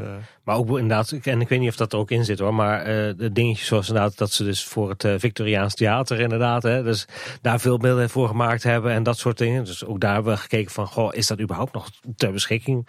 Maar helaas niet. dus, maar ze zou denk ik nog wel ergens in het archief moeten rondzwerven. Vast wel. ja. vond ik wel opvallend, want ik dacht altijd dat we alles wel wisten over dat nokkenschijfsysteem. Efteling heeft er natuurlijk in het verleden ook aardig wat over gepubliceerd. We kennen het patent. Maar er komt zo ongelooflijk veel nieuwe informatie hierover bovendrijven in jullie docu. Over hoe het werkt, hoe het is ontstaan, alle verschillende aspecten. Sterker nog, als je de film hebt gezien van Peter Reiners, zeg maar. Uh, of uh, die, die, ik noem maar even die documentaire over Peter Reiners. Dan zie je op een gegeven moment de kelders van Roodkapje. En dan zie je al een soort horizontaal nokkenschijfsysteem. Dus, Peter, dus ik had zoiets van, volgens mij is eigenlijk min of meer Peter Reiners de uitvinder van het nokkenschijfsysteem. Dus ook dat hebben we gevraagd aan Mari. Is ook allemaal opgenomen en zo. En ook die, die, die, die omschakeling van eigenlijk dat systeem op een horizontale schijf. Uh, met, met gewoon wat bultjes zeg maar erop. Die voor een beweging aan een elastiekje zorgen. Uh, nou, dat is toen later bij de dwergen van uh, de, de, god van Sneeuwwitje geworden. En zo, toen later op grotere schaal dan weer bij de heks. En zo hebben zij Marie van Heumen en Henk Smulders dat hele systeem inderdaad uitgebreid. En ik denk ook wel dat je dit, wel, dit verhaal natuurlijk ook wel moet complementeren met natuurlijk aan de andere kant Dre Broeders. Die natuurlijk het, de computer probeerde te introduceren en, en alles digitaliseren en zo. Met, oh ja, ja dat, dat ging gewoon niet. Maar ja, dat zijn dus wel de balansen die je dus vindt in zo'n in zo'n in zo'n documentaire. En dat is wel heel bijzonder. Maar ik hoor hieruit dat we over een tijdje een aparte docu kunnen verwachten met nog meer informatie over animatronics. de director's cut. nou ja, we hebben, het, we hebben het erin gelaten, dat stukje met uh, dat, dat eigenlijk dat ze voor Fatum organen inderdaad. Dat zit erin. En eh, dat, is, dat is ook moeilijk van de hele tijdlijn inderdaad. Van oké, je hebt het aan de ene kant over de ontwikkeling van nokkenschijfsystemen en hoe dat op grote schaal is toegepast. En aan de andere kant hoor je dan weer het verhaal van ja, we hebben eigenlijk gedacht van oh, we gaan met uh, een soort van marionetwerken. Uh, met, met fietskabels. Nou, en, en dan hoor je weer van Dre Broeders van ja, maar we wilden eigenlijk met een soort ja, computer wilden, en motoren wilden we gewoon robots bouwen. Met een, een, een dummy robot uh, ja, waar je aan beweegt zelf. Dat gaat naar een computertje en die stuurt het weer uit naar een echte pop met motoren. Uh, waar het dan opgeprogrammeerd wordt, zeg maar. Die dat dan weer niet aankon in die tijd. Uh, nou ja, dat hoor je dan in de documentaire wel. Maar ja, dat, dat zijn zulke bijzondere verhalen. En, ja, maar dat hebben we er wel ingelaten, daar hoort er gewoon bij. En daar zijn wij heel blij mee. En Paul? Ja, zeker. Ja, ik, ik heb ook gehoord, bij Disney hebben ze dat dus wel gedaan, ook met die poppen later volgens mij. En ook Jurassic Park, een aantal van die uh, dino's zijn ook zo geprogrammeerd. Van die dino ja, volgens mij bij uh, ach, uh, Carousel of Progress, of hoe, hoe heet dat, met de Half Presidents volgens mij. En, en dan zie je inderdaad ook iemand met, met, met zo'n systeemachtig werken. Ja, ja. Ik, kijk, ik kijk daarvoor de laatste aflevering van Behind the Attraction op Disney+. Ja, Plus. ja absoluut. Aanrader. Ja, ik was heel positief verrast dat, dat, dat jullie docu zo ontzettend die techniek induikt. Hè, op best wel een, hoog detailniveau. Niet alleen op het gebied van animatronics, maar uh, ook bijvoorbeeld op, als het gaat om besturingstechniek. Ja, dat is ook te danken aan Koos de Graaf. Um, en die trouwens ook pas heel laat in het proces, in de opnameproces naar voren kwam. Maar in het, op, op die band van de Vata stonden inderdaad mensen die aan die chips aan het solderen waren en noem maar op. En het lachen was dat um, Melvin die heeft dus bij de Vaten gewerkt. En die zei toen ooit wel eens tegen mij van... Ja, er zitten theaterpluggen in, in de Vaten. Ik snap er helemaal niks van. Ik zeg, ja, theaterpluggen. Ja, dan kun je dan zo'n headset inpluggen, weet je wel. En dan, heb je, ja, dan, dan moet je onderling kunnen communiceren. Maar ja, waar en hoe, ik snap er geen reet van. Maar in elke scène zit zo'n plug ergens. Nou, en toen kwam het interview met Koos de Graaf. Van, we hebben overal dingen aangelegd. Dat je communicatie had tussen iemand in de technische ruimte en iemand in de show. En toen ging ineens een lampje branden bij Melvin van uh, potverdorie. En ik uh, had toen gezien dat, dat uh, hoe heet het, de Koos de Graaf die, die telt af, zeg maar. En dan, dan, dan oké, start. En, nou, en gaandeweg met het interview met Koos heeft hij dan verklaard van ja, ik telde dan af. Iemand in de show die hoorde dat, die kon aan die, die knoppen zitten om te programmeren. En dan had je zoveel seconden, zeg maar. Dus je telde gewoon af vanuit de technische ruimte. En dan wist iemand in de show van oké, nu wordt er opgenomen op die chip. En dan heb je, uh, en dan telt Koos, die telt dan eigenlijk ook weer af wanneer die moet stoppen, zeg maar. En dan is het einde beweging. En op die manier uh, hebben ze die hele show geprogrammeerd. Met die, um, dan moet ik het, uh, met die. Hè, dus die, die chip, zeg maar, die, ja, die je dan kon programmeren. En dan met UV-licht volgens mij ook weer kon wisselen als het niet goed was. Uh, met dus ook weer de verklaring dat, je dus, dat zij een eigen EEPROM computer programmer hadden gebouwd. En, en dat, dat Koos de Graaf zeg maar software had geschreven waarmee je die EEPROMs weer kon programmeren. Ja, de, dat zijn gewoon idiote verhalen. Ja, en dat is op zich wel lachen, want mijn achtergrond is natuurlijk ook uh, die elektrotechniek. Dus, en je moet dan, zeker qua vragen, moet je heel uh, gaan oppassen dat je natuurlijk niet in je eigen vakgebied gaat zitten. Deze. Dus hè, voor de mensen die niet weten wat een EEPROM is, dat je een klein geheugenmoduurtje die je kunt branden, zeg maar en informatie kunt opslaan. Maar ja, weet je, dat is niet voor iedereen duidelijk. Dus je moet dan heel erg oppassen. En het was met Dre Broeders Idunito, weet je, die is ook een elektrotechnische achtergrond. Dat je dan dus niet daarin blijft hangen. Maar dat is wel, ja, weet je, dat ik vond het wel heel erg uh, verhelderend uh, voor, ja, voor wat dat, ze deden. Ja, dat is, dat is voor mij inderdaad, uh, um, ik weet niet meer hoe ik dat precies heb gedaan. Maar in ieder geval wel zo van, we moeten alles wat we vertellen en ook technisch moeten we ook uitleggen voor de leek. Dus als we het hebben over spindelmotoren, dan moet er iemand zijn die uitlegt wat is een spinnermotor. Of wat is een nokkenschijf. Of uh, een EEPROM. Wat is een EEPROM? Want ja, ik ben ook niet super technisch. En zoals jij bent, zeg maar. En met bits en bytes en kilobytes en noem maar op. En, uh, dus ik zeg van ja, weet je. Melvin die had met Dre Broeders heel veel contact gehad in het voorproces. Dus die heeft toen ook dat interview gedaan. Vandaar dat ook Melvin gekend wordt. Uh, die heeft een aantal interviews gedaan. Ik zeg van, zorg in ieder geval ervoor dat het nog begrijpbaar blijft, weet je wel. Of als ik het niet meer snap, dan ga ik misschien wel komen met een vraag van... je moet even dit verduidelijken, want ik snap er geen hol van. Dus dat zijn ook al van die dingen waarbij je rekening mee moet houden. Maar... Um, nou, dat is ja. toch goed dat je je verplaatst in het publiek? Dat moet ook wel. Ja. En één, voor, één voordeel is dan wel misschien omdat Sander dan minder elektrotechnische achtergrond heeft. Dat hij zoiets van, ah, waar heb je het over? en dan kunnen we dat ook wel een beetje regisseren om dat weer goed te krijgen, zeg maar. ja, Even een sidestep. Wat, wat is nou, daar mogen jullie allebei een ander antwoord op geven. Wat is nou het moment geweest in dat hele creatieve proces dat je dacht van... Wauw, dit is voor mij echt een eye-opener. Dit had ik nooit gedacht. Dit is, nu gaat er echt een wereld voor me open. Ik denk dat het voor mij toch, ja, het zijn, zijn er waarschijnlijk wel meer hoor. Maar sowieso het- natuurlijk het interview met, met Mari over het hele, hele creatieproces. Dat is één ding. Ehm, maar ook toch die ontdekking van, van, eh, van, van de making-of. Dat was voor mij echt wel de, de, de eye-opener. Waarbij eigenlijk zo'n beetje alles gewoon poep, op, op zijn plek kwam. Ja, ik denk dat dat ook voor mij de grootste eh, verrassing was inderdaad in ieder geval. Ik denk de grootste eye-opener was toen ik de beelden zag eh, van het programmeren van eh, de poppen, zeg maar. Van, ah, nu valt het kwartje, weet je wel. Zo hebben ze dat gedaan. En eigenlijk hoe simpel ook, weet je wel. En, en, en, en je moet er maar opkomen. Ehm, en dat je dat dan daarna kunt aanvullen met die interviews met, met Mari, die dat dan bijna één op één uitlegt. En hij had die beelden zelfs niet eens gezien. Hij wist het niet. Ehm, en hij legt dat zo beeldend uit. En dat zie je ook in die documentaire. En hoe die dan met zijn armen beweegt. En dat dat dan zo samenkomt met die beelden die je dan hebt, zeg maar. Ehm, ja, dat is voor mij eh, dikke bonus. Denk ik ook heel erg sterk illustrerend. Ja, iets wat er eh, op zich ook nog wel interessant was om eh, even te melden daarin, is dus dat op een gegeven moment, eh, als we het toch al hebben over de beelden, op een gegeven moment kwam het naar boven van ja, Walibi, hè, want je had natuurlijk de kloon staan, Alibaba, van kunnen we daar iets mee? Er waren verder eigenlijk niet heel veel beelden ter beschikking, maar nu kwamen we via, via, via eigenlijk, via onze, eigenlijk eh, onze afterpark hè, de, de podcast, eh, bij Peter Lambert terecht. En die hadden we al een keer voor uh, Afterpark Lounge, zeg maar, gesproken voor Geisterslos. Omdat hij natuurlijk deels ook daar wat ontwerptekeningen voor gemaakt heeft en zo.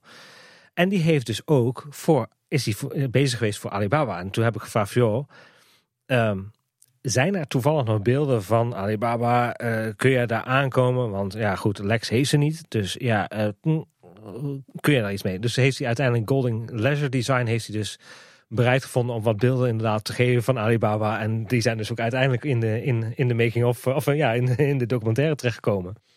En dat was wel, ja, vond ik ook wel heel erg bijzonder. Weet je, dan zie je toch dat je op een gegeven moment zo'n netwerk nodig hebt om dit soort beelden te kunnen krijgen. Wat ook wel bijzonder is, is dat, eh, dat Mari die had dus het, het, draaiboek nog van de Duizend en een Nachtshow. Met alle scène, beschrijvingen en noem maar op. eh, hoe die op het eiland in de Siervij moest komen. Waarvan je ook een aantal beelden ziet in de documentaire. En de plattegrond, zeg maar. Ehm, en eh, wie goed heeft opgelet en ook al de Lex de Lemmens documentaire heeft gezien. Die zag dan ook al wel een plattegrond van die Siervijver, zeg maar. En als je die op de huidige attractie legt, dan is die bijna één op één. Ehm, en aan de hand daarvan hebben we ook aan Mari gevraagd... Van, goh, hoe zit het eigenlijk met die scènes en die ontwikkelingen? En nou, dan heb je dan A, het verhaaltje over dat ze dat alles gefilmd hebben... en dat je scènes zo maakt. Maar ook dat eh, eigenlijk heel veel scènes die voor de Duister en Nachtshow waren verzonnen... Ja, eigenlijk gewoon bijna één op één in de huidige Fata Morgana zitten. Dat, eh, en met, met sommige dingen eh, ja, anders, zeg maar. Dingen die niet door konden gaan, zoals die dummyboot. Die ze wel nog hebben geprobeerd op de huidige locatie. Want op een paar aantal tekeningen staat die dummyboot nog ingetekend. En ook die wachters, zeg maar. Die zijn er later dan uitgehaald. Maar ook eh, ja, dingen die dan totaal anders zijn. Maar je ziet toch dat er al een heel groot deel van die vaten daar al bepaald was. Heel veel dingen die vielen voor zichzelf op een plek. Maar zijn er ook een paar tegenslagen geweest? En zo ja, wat was dan de grootste? Wat ieder van jullie betreft? Zijn er tegenslagen? Ja, natuurlijk zijn wel tegenslagen geweest. Ik moet wel zeggen dat Carlo die heeft onwijs veel eh, zeg maar, eh, interviews en, en, en, en gesprekken gehad met heel veel mensen. Zo. En een van die, van die zaken waar die eh, echt als een, als een jachthond op zat, was eh, te kijken of we überhaupt eh, bouwbedrijf Pepping nog te pakken konden krijgen. Die is eigenlijk zeg maar, het hele ombouw heeft gemaakt voor, voor Fata Morgana. En we zijn echt zelfs tot aan de curator doorgegaan. En uiteindelijk is, is eh, hebben we nooit iemand te pakken weten te krijgen. Dat was wel echt Carlo een- heeft echt directeur na directeur na directeur na directeur gebeld. Ja, Ja, dat is echt ongelooflijk. Die, die, die, heeft echt, eh, die heeft wel wat tegenslagen gehad ja, in, in dat zoekproces. En, en, eh, ja, maar die is daar gewoon super goed in om dingen boven water te krijgen. Maar ook om op heel creatief out of the box te denken. Ik had ook eens van, ah, misschien zijn er nog wel luchtfoto's van de Efteling van die tijd. En, en Carlo was zo gek om gewoon eh, de, de luchtmacht eh, te benaderen, weet je wel. Van, eh, heb je nog luchtfoto's? ja, maar, maar zo, zo doen we dat wel. En zo komen we wel soms aan materiaal. Je moet gewoon creatief zijn. Je, je moet gewoon elke ingang benutten. Ehm, en ook de juiste mensen hebben eh, in je team die dat op een goede manier kunnen. Maar dat, dat betekent ook dat je soms inderdaad tegenslagen eh, krijgt eh, van mensen die of niet reageren of niet meer reageren. Ehm, mensen die eerst ja zeggen en dan toch nee zeggen, om wat voor reden dan ook. En dat is ook allemaal prima. Maar inderdaad, met, met Carlo heeft ooit, dus, dus de bouwfoto's die je ziet van het gebouw, zeg maar. Carlo heeft ooit ergens, ik weet niet meer, op een kraampje of een beurs, dat kan Carlo het nog wel zeggen. Heeft hij echt honderden foto's gezien van de bouw van de Vata. En eh, in een fotomapje. En nou, Carlo mocht er een paar uitzoeken of zo van die man. En, eh, of meenemen of iets dergelijks. Of kopen, ik weet het niet meer. Ehm, dus Carlo had, nou, ik denk een 10 tot 15 tal foto's of zo. Die had hij. En ze had zoiets van, ja, ik ga gewoon die man opsporen. Ja, en, en daar is dus die zoektocht geweest van directeur naar directeur. Hij heeft hem helaas nooit meer gevonden. Dus mocht je luisteren en denken, ik ben die persoon, meld je even. Maar, maar dat is een enorme zoektocht geweest. Ja, en, en daar heeft hij wel soms echt eh, de ene deur naar de andere eh, deur die zien gaan. Ja. En hetzelfde geldt eigenlijk ook voor Johanina. Dus dat was eigenlijk de dame die eh, in eerste instantie zeg maar de, de muziek voor, hè, voor Ton aangaf. Die toch een beetje uit de toon vond vallen en zo. Die hebben we uiteindelijk ook weten terug te traceren. Die zit nou ergens in Amerika tegenwoordig. Die zou ook wat foto's aanleveren. Is ook nooit gebeurd. dat soort dingetjes. Dus Maar ook omdat eh, Carlo, Ja. die had weer die, die, die briljante ingeving van ja, misschien heeft Johanina wel, eh, hè, omdat we op een gegeven moment wisten van ja, ze hebben scènes gefilmd. Misschien heeft Johanina wel, eh, ja, ik noem even gefigureerd voor buikdanseressen of noem maar op. Dus Carlo is Johanina gaan benaderen. En ja, weet je inderdaad, waar je zegt, ja, ik heb, ik heb ergens nog wel foto's hier in Amerika, maar nooit boven water gekomen. Maar ja. maar eh, ja, dat, dat zijn dan de, de tegenslagen die als tegenkomt. Of, of het, eh, nou, nu we het er toch over hebben. Ik denk dat de grootste tegenslag is geweest. eh, dat het archief in Tilburg inderdaad ineens bam. We zijn daar geweest. We hebben die tekeningen. Die heb je in je hand. Je maakt er nog wat smartphone-foto's van. Van bepaalde documenten. Van, oh, dan moeten we dan even nog een keer terugzoeken. zoeken. hè. Oh, Janine Lambrechts decorstudio of ontwerpstudio. Oh, terugzoeken. En dan, eh, oh ja, we gaan alles wel inscannen. Ik zeg, ja, eh, wanneer kan ik dat dan verwachten? Duurt dat eh, twee jaar? Nee, nee, dat is zo gebeurd. En dit en dat. eh, dikke scanner. Oké, en dat je dan smiddags door krijgt van, eh, eh, it's not going to happen. En eh, oh ja, by the way, eh, jullie hadden het eigenlijk niet mogen zien. En niemand had het mogen zien. En eh, het is nu dicht. het, is, het is nu dicht. Ja, patsboom. En daarover gesproken, hoe is eigenlijk de, de samenwerking met, met, met de huidige Efteling geweest gedurende dit hele traject?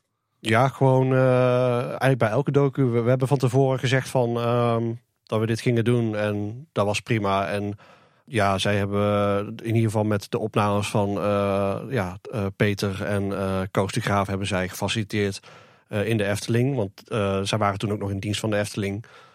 Dus dat gaat dan in overleg, zeg maar. Hè. Willen die mensen zelf ook wel voor de camera? We hadden ook bijvoorbeeld Karin Koppelmans gevraagd. Nou, die wilde liever niet, ook prima.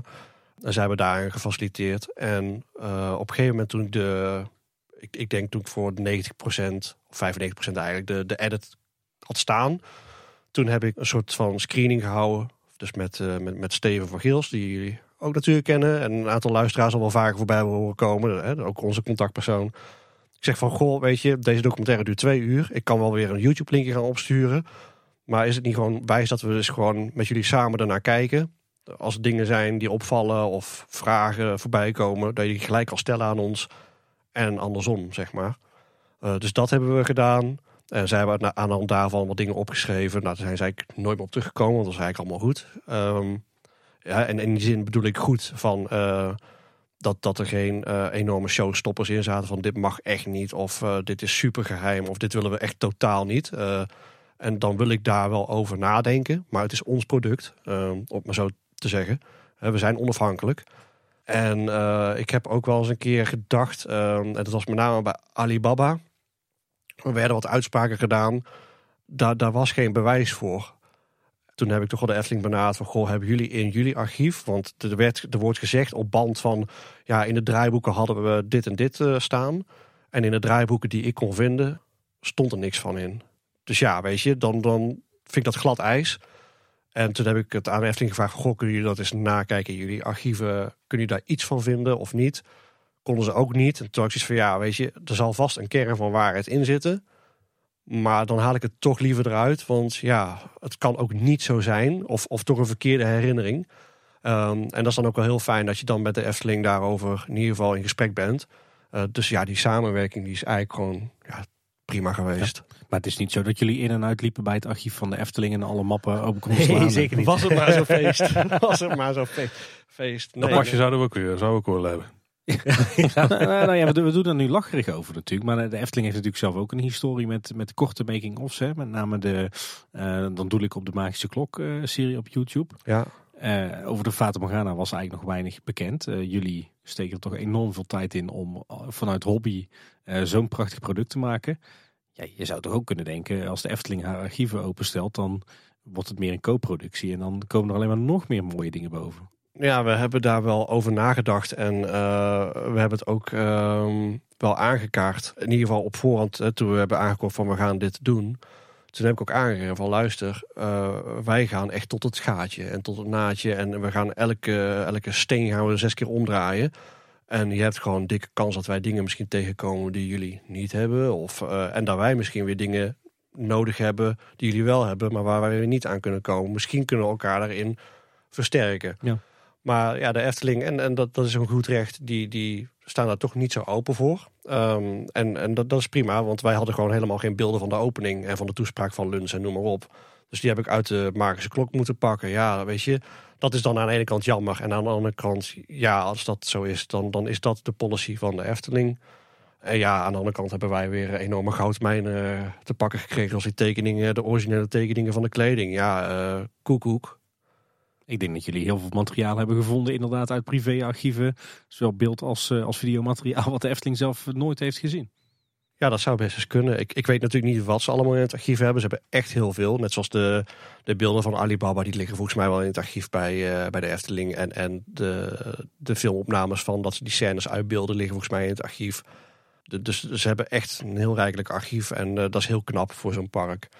Um, maar ik denk dat we inderdaad zeker uh, dingen boven water hebben gehaald. Waarbij de Efteling ook wel dacht van... Uh, de, en dat weten we trouwens ook wel. Want uh, we hebben die screening ook met, met Gerry gedaan. En zeg ik van, oh, ik zie wel wat dingen die, we, die ik nog niet heb gezien. Dus, en nou, die, die, die heeft ook gewoon respect voor. Maar die, die, niet, niet dat dat dan onderling een soort strijd is of zo hoor. Integendeel, maar gewoon van, oh, dat is toch wel knap dat jullie dat boven water hebben gekregen en zo.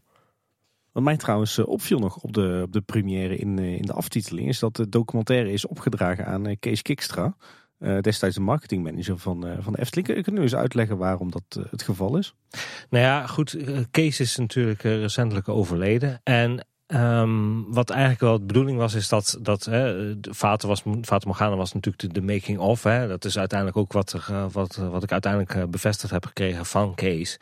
Ja, en dat is toch wel, weet je, als, als we dan zo zijn werk zeg maar kunnen afmaken hierdoor, ja, dan, dan verdient het ook zijn credits. En ja, één ding, en dat is voor mij echt wel een van de dieptepunten tijdens het maken van zo'n documentaire. Heb je die? Ja, die zijn er. Uh, is dat we nooit Kees Kikstra het hebben kunnen laten zien. En wat het is geworden. Ja, wat het is uiteindelijk is geworden. En Kees Kikstra was wel onze eerste, allereerste interviewer. Interviewde, moet ik het zo goed zeggen. En dat was nog wel bizar, want het zou eigenlijk nog bijna niet eens doorgaan. Want uh, het was ergens midden in de zomer dat het uh, plaatsvond. En we moesten dus naar Breda toe, waar, waar hij woonde. Uh, en het was die dag, zou het gaan regenen. En het zou eigenlijk ja, uh, niet doorgaan. Uiteindelijk hebben we nog hem weten te overreden van ja, misschien moeten we het wel doen. Uiteindelijk parasol hebben we opgezet. Ja. en vandaar dat je het ook in, waarschijnlijk in de docu nog ziet. Ja, Kees was uh, helaas al, al, al, ziek. En ik weet ook niet precies, maar goed, dat maakt ook niet uit. Maar Kees was ziek, dus we konden het niet binnen opnemen. Uh, en uh, achteraf uh, heb ik begrepen dat wij een van de weinige, altijd niet het enige zijn geweest die, die nog op bezoek zijn geweest, überhaupt daar. Dus, en dat is al ruim een jaar voordat überhaupt die document, dus het is echt vorig jaar juni geweest. Volgens mij juni, hè. Dus ja, we zijn A, heel dankbaar dat, het, dat Kees dat heeft gedaan en willen doen voor ons. Dat, is, dat heeft echt weer hele goede verhalen opgeleverd. Um, maar ja, toen, toen inderdaad naar boven kwam dat dat, dat die making of uh, mede door hem, eigenlijk dankzij hem hebben die beelden. Dankzij hem is dit product er ooit gekomen, wat wij nu hebben gemaakt. Uh, zonder zijn idee om dit te doen en door Peter te laten filmen was dit er gewoon nooit geweest. En ja, toen, toen Kees overleed eh, dit jaar, eh, ja, toen waren wij als team al heel snel erover eens van ja, ik wilde het zelf ook, ik wilde die docu heel graag opdragen aan, aan Kees eh, daardoor. En eh, we hebben de familie toen benaderd. Die hebben toen ook eh, in ieder geval het laatste stuk gezien om even te kijken in welke context. En die hebben hun toestemming gegeven. En daarom vind je inderdaad, ja, als de aftiteling begint, ja, voor Kees. Deze documentaire is gewoon ook voor Kees. Ja, heel mooi. Het was meteen ook wel duidelijk wat daar de lading van was. Ja, en ook voor denk- de familie. Ja, en ik denk dat het voor de insiders inderdaad een, een goede lading had. Voor, voor de mensen die daar wat minder in dan is het oké voor Kees, prima, weet je. Dus dat is, eh, ik denk dat het ook de goede toon zal zijn. Ja, we hebben gekeken van oké, hoe, hoe gaan we dat vermelden? Gaan we inderdaad zeggen voor in, in, in herinnering aan Kees Kikstra of noem maar op. Eh nou, de familie die, die maakt het niet zo heel veel uit welke term.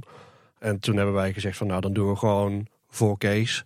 Bepaalde grote filmbedrijven doen ook op zo'n manier. Ja, je ziet wel eens eh, in een aftitel staan in, in eh, Loving Memory of of in eh, Memoriam of, of inderdaad voor die. Dus toen ik gezegd van nou dan vinden wij dit gewoon toepasselijk. Mensen die het weten, die snappen het. En mensen die het niet weten, denken van oh, het zal wel en Ja, klaar. het zijn in principe eigenlijk ook nog, en dat, dat maakt het ook wel, zeg maar, en dat was eigenlijk ook wel een beetje wat, wat bij natuurlijk eh, de Ruud Bosdoken was. Dat we dus de laatste beelden hadden van Ton, nu ook weer de laatste beelden van Kees. Dat, dat maakt het toch altijd wel, ook wel een stukje emotioneel in dat geval. En dat is toch best wel, eh, Zeker voor de familie, want die had het ook niet, eh, niet van tevoren gezien, ook die, die documentaire. Dus ja, weet je, als je dan inderdaad je dierbare op groot scherm ziet met zo'n volume aan geluid.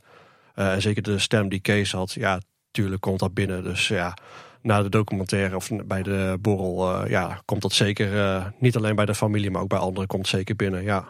ja, zeker. Ja, En, heel mooi gedaan, mannen. eh, Tim, Ja. eh, er zit ook nog een, eigenlijk twee easter eggs in. Heb jij zo ooit überhaupt gezien? Of opgevallen? In de docu? Ja. Nee, daar heb ik... Nee, nee, nee, nee. Nee? Nee, is niet, eh niet Zelfs ik als editor weet nu even niet waar je het over hebt. Nee, mooi hè? Kan, kan, je, Ik heb het ook niet echt in het team gecommuniceerd, maar... kan, kan je een tipje geven dat Ja, onze zeker. luisteraars kunnen gaan zoeken? Nou, nou ja, ik, kan- ik kan het ook wel gewoon vertellen. Dat is misschien het meest makkelijke. En toen we nog in het uh, Wonderchat-tijdperk zaten, hè, was er ooit een, een simulatie die niet doorging. Weet je dat nog? Jeetje. Is dat de Fata-simulatie ja, van Sjoerd Visser, hè? Ja. Eh, Er zit toch een knipoog nu naar, eh, naar, naar dat ding in. Van, en ik heb gevraagd eh, voor eh, aan, eh, aan Lisa, kun je, kun je dat animeren? dus dat is één ding wat erin zit. Ah, die heb ik wel gezien, ja. ja. Precies, jij hebt hem wel gezien hè. En het tweede is dat er ooit een simulatie heb gemaakt van natuurlijk die, die, dat, eh, dat wiel, hè, wat, eh, wat de nokkenschijf en zo. Nou, die zitten nu ook als een verbeterde versie zitten die erin.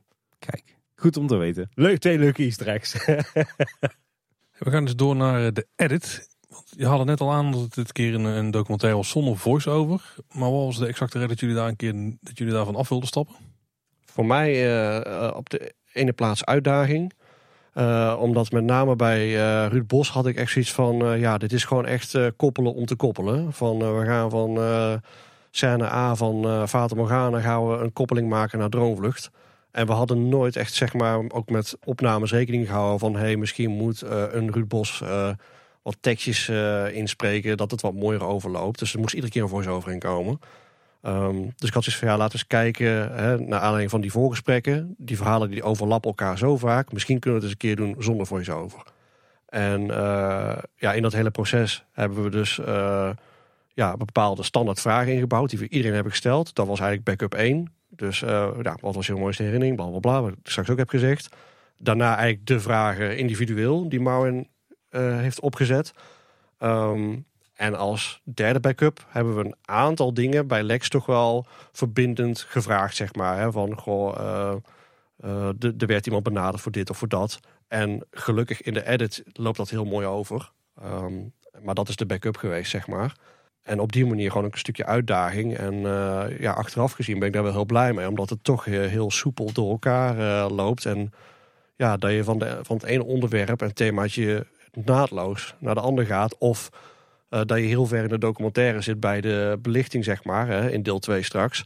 En ehm, dat iemand een herinnering heeft en dat een ander eh, daar weer op aanhaakt, zeg maar. Wat ik altijd van jullie weet is dat je, je hebt het net al een paar keer aangehaald. Je hebt een hoop mooie beelden verzameld. Je hebt een hoop mooie beelden geschoten, een hoop mooie verhalen verzameld. Maar je wil uiteindelijk een documentaire maken. En volgens mij had je wel een doel in je hoofd van het moet minder dan twee uur gaan duren. Wat doe je met al die, eh, die toch wel mooie stukken? Die, ja, die dan toch af moeten vallen. En heb je een paar mooie voorbeelden van dingen die toch net niet hebben gehaald.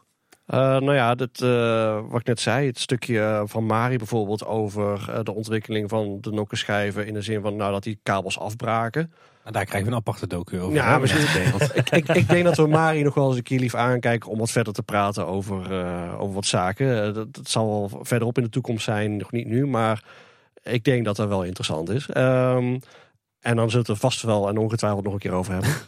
Um, maar dat, dat is er bijvoorbeeld uitgehaald. De, bij Kees Verschuren was dat bijvoorbeeld uh, inderdaad een verpakkingsmateriaal die, uh, die in de decors ligt. maar ook hoe het hier naartoe verscheept is. Dat het bij de douane heel lang stil heeft gelegen. Ja, er zijn best wel dingen uit, maar, niet super schokkend. Het, wat je eigenlijk nu voorgeschoteld krijgt, is toch wel een compleet verhaal. Um, en de dingen die eruit zijn gehaald zijn meer nice to know than need to know. Ja. En uh, hoe gaat dat proces dan? Hè? Want we hebben het net gehad over dat creatieve proces en hoe je aan je informatie komt. Maar hoe gaat die editor dan naartoe? Jij hebt al je ruwe materiaal en dan? Nou, zoals ik net al zei, uh, bij elke opname heb ik meteen diezelfde avond uh, heb ik het materiaal ingeladen. dat is dan meteen ook gebackupt naar de externe ja, server bij Marvin, zeg maar. En uh, nou, dan ga ik dat materiaal in mijn programma laden, in Premiere in dit geval. Uh, die ruwe tijdlijn, die ga ik nog een keer door. Ik markeer alles wat is gevraagd en gezegd. En uh, dat, dat, ja, dat, dat kun je dan heel mooi met markeringen kun je dat uitsmeren, zeg maar. Dan zie je precies van hier begint het, daar stopt het en noem maar op. dat heb ik voor al die personen gedaan. Um, en op een gegeven moment, ik had dus al die uh, individuele onderwerpen, die thema's zoals u dat noemen, die had ik al uh, als losse tijdlijnen gemaakt. Dus bijvoorbeeld, uh, dan noem ik een stukje over de, de, animatronics. Daar waren meer mensen voor. Um, nou, dan weet ik van oké, het moet op een gegeven moment over animatronics gaan. Tijdlijn, animatronics. En dan ga ik alles van iedereen die iets maar heeft gezegd over animatronics uh, ga ik bij elkaar rapen en dan ga ik kijken van oké, okay, hey, uh, Mari heeft het hier over de eerste pop. Twee broeders heeft het hier over de eerste pop. Alle twee stukjes uitsnijden en in die tijdlijn over de poppen aan elkaar plakken en iedere keer zo vullen. En dan in die tijdlijn over de poppen, zeg maar, ga ik echt sorteren van oké, hier begint het daadwerkelijk. En hier eindigt het. En dan maak ik in die tijdlijnen de verhaaltjes aan elkaar. Dus dankzij die markeringen kan ik al die verhalen aan elkaar koppelen en zeggen van oké, hier kan de een het oppakken bij de ander of andersom of zo moet hij starten. Uiteindelijk heb ik iets van 13 verschillende thema's gehad. Hè, uh, het uh, voortraject, het, het, traject op de, de vijver, het gebouw, nou, et cetera, et cetera, et cetera. En op een gegeven moment in april heb ik al die individuele tijdlijnen uitgerenderd, zoals dat dan in vaktermen heet. Dus geëxporteerd als uh, echt videobestanden. Die videobestanden heb ik achter elkaar geplakt in een nieuwe tijdlijn. Dus gewoon uh, weer als 13 losse clipjes, om het maar zo te zeggen. En toen gekeken van oké, hoe loopt de overgang van thema 1 naar thema 2? Hoe ver zitten we in de totale docu? En uh, die individuele thema's, die hebben we ook met het team af en toe bekeken. Dus als ik dan een individueel thema had gemonteerd, net zoals met Kees Verschuren, daar is eigenlijk bijna dezelfde dag is dat nog gemonteerd. En daar is bijna precies zoals het nu in de docu zit. Uh, en die stuur ik dan naar het team. En dan van nou, uh, kijk eens nou wat vind je ervan. En ja, dan komen die discussies op gang. Maar goed, dat plak ik dus later allemaal aan elkaar. Daar komen dan revisies op. En daar ga je dan al die maanden naar kijken. Van oké, hoe kan ik het beter aansluiten? Of hey, uh, ik mis nog hier wat of ik mis daar nog wat of dit is te veel, dit is te weinig. En pas als je dat voor, hè, dus per thema voor 99% vast hebt staan, daarna heb ik een hele nieuwe schone tijdlijn gepakt en al die ruwe clips van al die tijdlijnen in een nieuwe schone tijdlijn achter elkaar geplakt, zodat je een één groot projectbestand hebt, één tijdlijn van twee uur zeg maar. Uh, en daarna ga je echt, echt schaven zeg maar. Dus op die manier, ja, inderdaad losse thema's gemaakt. Thema's aan elkaar geplakt. En naar de hand steeds weer schaven, schaven, schaven. En wat houdt schaven dan in? Nou, er zijn heel veel uh, previews geweest. Dus op een gegeven moment heb ik uh, die docu had ik aan elkaar geplakt. Toen dacht ik van, nou, dit is hem wel. En toen heb ik uh, op een gegeven moment in het begin Marvin en Lisa uitgenodigd. Van oké, okay, Lisa moest erbij komen van oké, okay, waar gaan we eh, dingetjes doen met animaties. Want ik had dan een ruwe opzet gemaakt van een plaatje of iets. En dan van nou, dit zou je kunnen animeren. Of hoe gaan we doen met teksten? Groter, kleiner, noem maar op. Dus eh, ik heb Mauro en Lisa toen uitgenodigd een avond. Die hebben die hele docu bekeken. Ik heb hun opmerkingen heb ik opgeschreven. Toen heb ik daar een nieuwe versie van gemaakt. Gewoon weer twee uur. Toen heb ik Carlo en Melvin uitgenodigd. Dus die hadden die versie van Lisa en Mauro niet gezien. Maar dus mijn nieuwe versie alweer. Toen heb ik hun notes gepakt. Die weer bijgeschaafd. En toen op een gegeven moment hebben wij een barbecue gehad voor het team. En eh, die versie die heb ik toen gepreviewd. En toen heb ik gekeken van oké, nu is het aan een heel blanco publiek. Wat komt er nog uit? Waar moeten we nog schaven? Nou, dat heb ik dan nog ietsje bijgeschaafd. Dus uh, nou, een, uh, iemand die zegt van... Hey, dat overgangetje hier loopt niet helemaal lekker. Of er wordt daar iets gezegd over iets. En daar snap ik niet helemaal. nou, dan moet ik dat verduidelijken. Of dan moet ik iets terugplaatsen in de edit. En dat wordt dan een nieuwe tijdlijn. En op een gegeven moment, ja, dan ga je nog alles een keer na. En dan is het van, hé, hey, er wordt nog gesproken over... Um, uh, Peter van Ostade. hey, ik vind nog ineens een foto van Peter van Ostade. Hup, scannen, kopiëren, plakken erin. En uh, zo aanvullen en fine-tunen. Ja, dat wilde ik net zeggen. Want jij moet dan toch, als je die, die verschillende uh, thema's samenstelt... moet je toch een enorme kennis hebben van het beeldmateriaal... dat jullie allemaal in, je bestand, in je bak had zitten. Ja, ja maar dat, dat, dat is dus uh, aan de ene kant. Ik ben begonnen met dus al die uh, oude interviews inderdaad hè, opnieuw erin zetten. Wat ik er straks zei. Allemaal opnieuw kijken, opnieuw markeren. Sturen naar Marvin voor zijn script, zeg maar. Dus hij kon mijn projectbestand iedere keer kon ik dat uploaden naar hem. Kon hij weer openen. Dan had hij gewoon exact hetzelfde projectbestand dat ik had. Dus gewoon één op één. Dus hij kon aan dan daarvan weer zijn interviews bijschaven of doen. Maar ik heb alles, uh, uh, ja, elke seconde heb ik uh, bekeken en gedaan. En ik heb inderdaad al die foto's heb ik zelf ingescand. Want ik kon het wel iemand anders in laten scannen, maar dan weet het niet. en ik heb ook bewust bijvoorbeeld die fotoboeken van, van Marokko... en ook van, van Kees Verschuren van de reis naar Marokko... die heb ik helemaal meegenomen en helemaal ingescand. En die gaat op zo'n trage snelheid, als je dat in superveel dpi inscant ja, dan uh, ben je een paar uur bezig. Maar dan zie je wel elk beeldje voorbij komen. Ja, ik heb dat toch in mijn hoofd iedere keer gehad van... oh, ik weet dat daar een beeld van is. Of ik weet dat dit voorbij komt. Of ik weet dat dit daar ergens in zit. Ik denk dat het ook wel leuk is om te vertellen van de, de, degene op een gegeven moment van die reis naar Marokko en zo. Uh, dat op een gegeven moment dat besluit wordt genomen van ja, we moeten nog een paar dagen langer blijven en zo.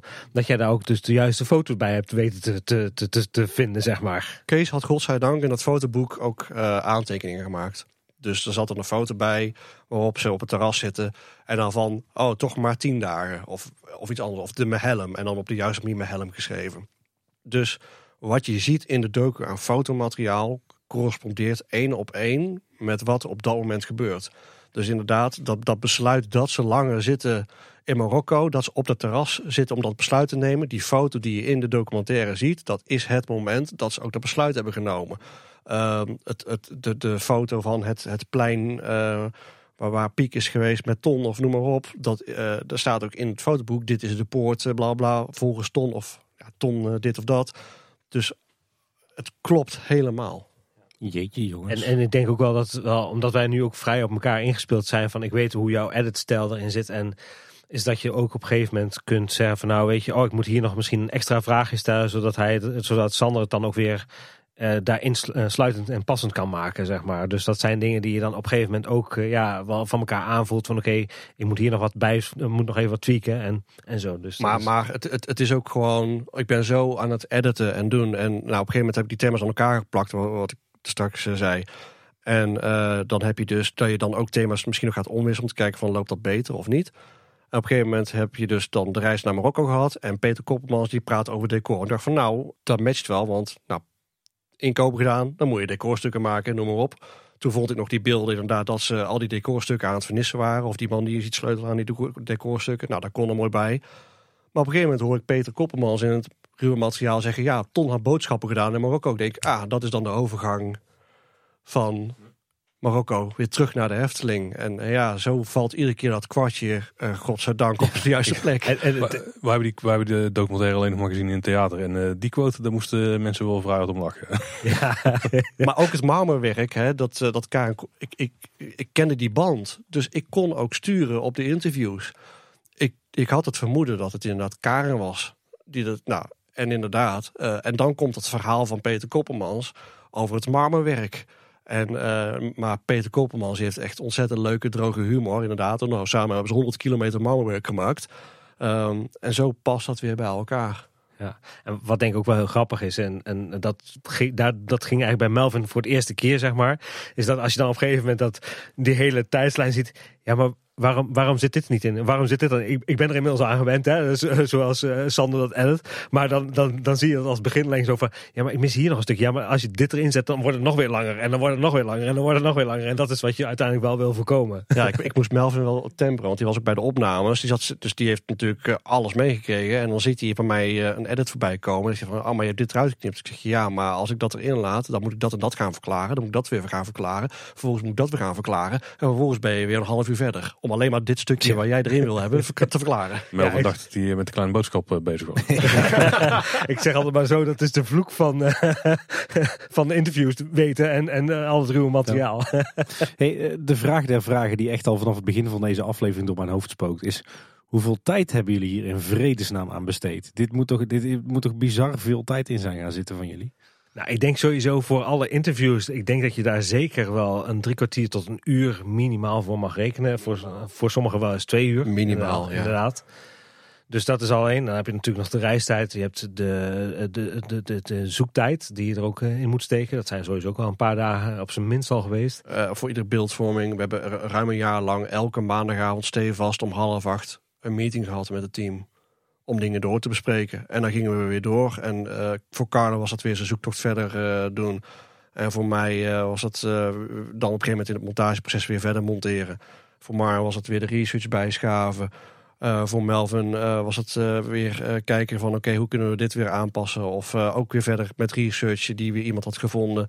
Ja, we- we- we- En Nicky met ja, uiteraard. Nicky de- met de tekening. ja. en, eh, ja. Maar, maar zeker als ik jou zo hoor, Sander, over al jouw geknutsel aan. Eh, vooral, vooral die edit, maar ook alles samenbrengen. Al die beelden, al die beelden inscannen, analyseren. Nachtenlang. Je moet er gewoon geen vrije tijd meer gehad hebben buiten deze Nee. docu. Nee. Beeld dat ik er heel bij krijg, dat, dat jullie doen het, jullie pakken het zo professioneel aan. Is gewoon een serieus productieproces geweest.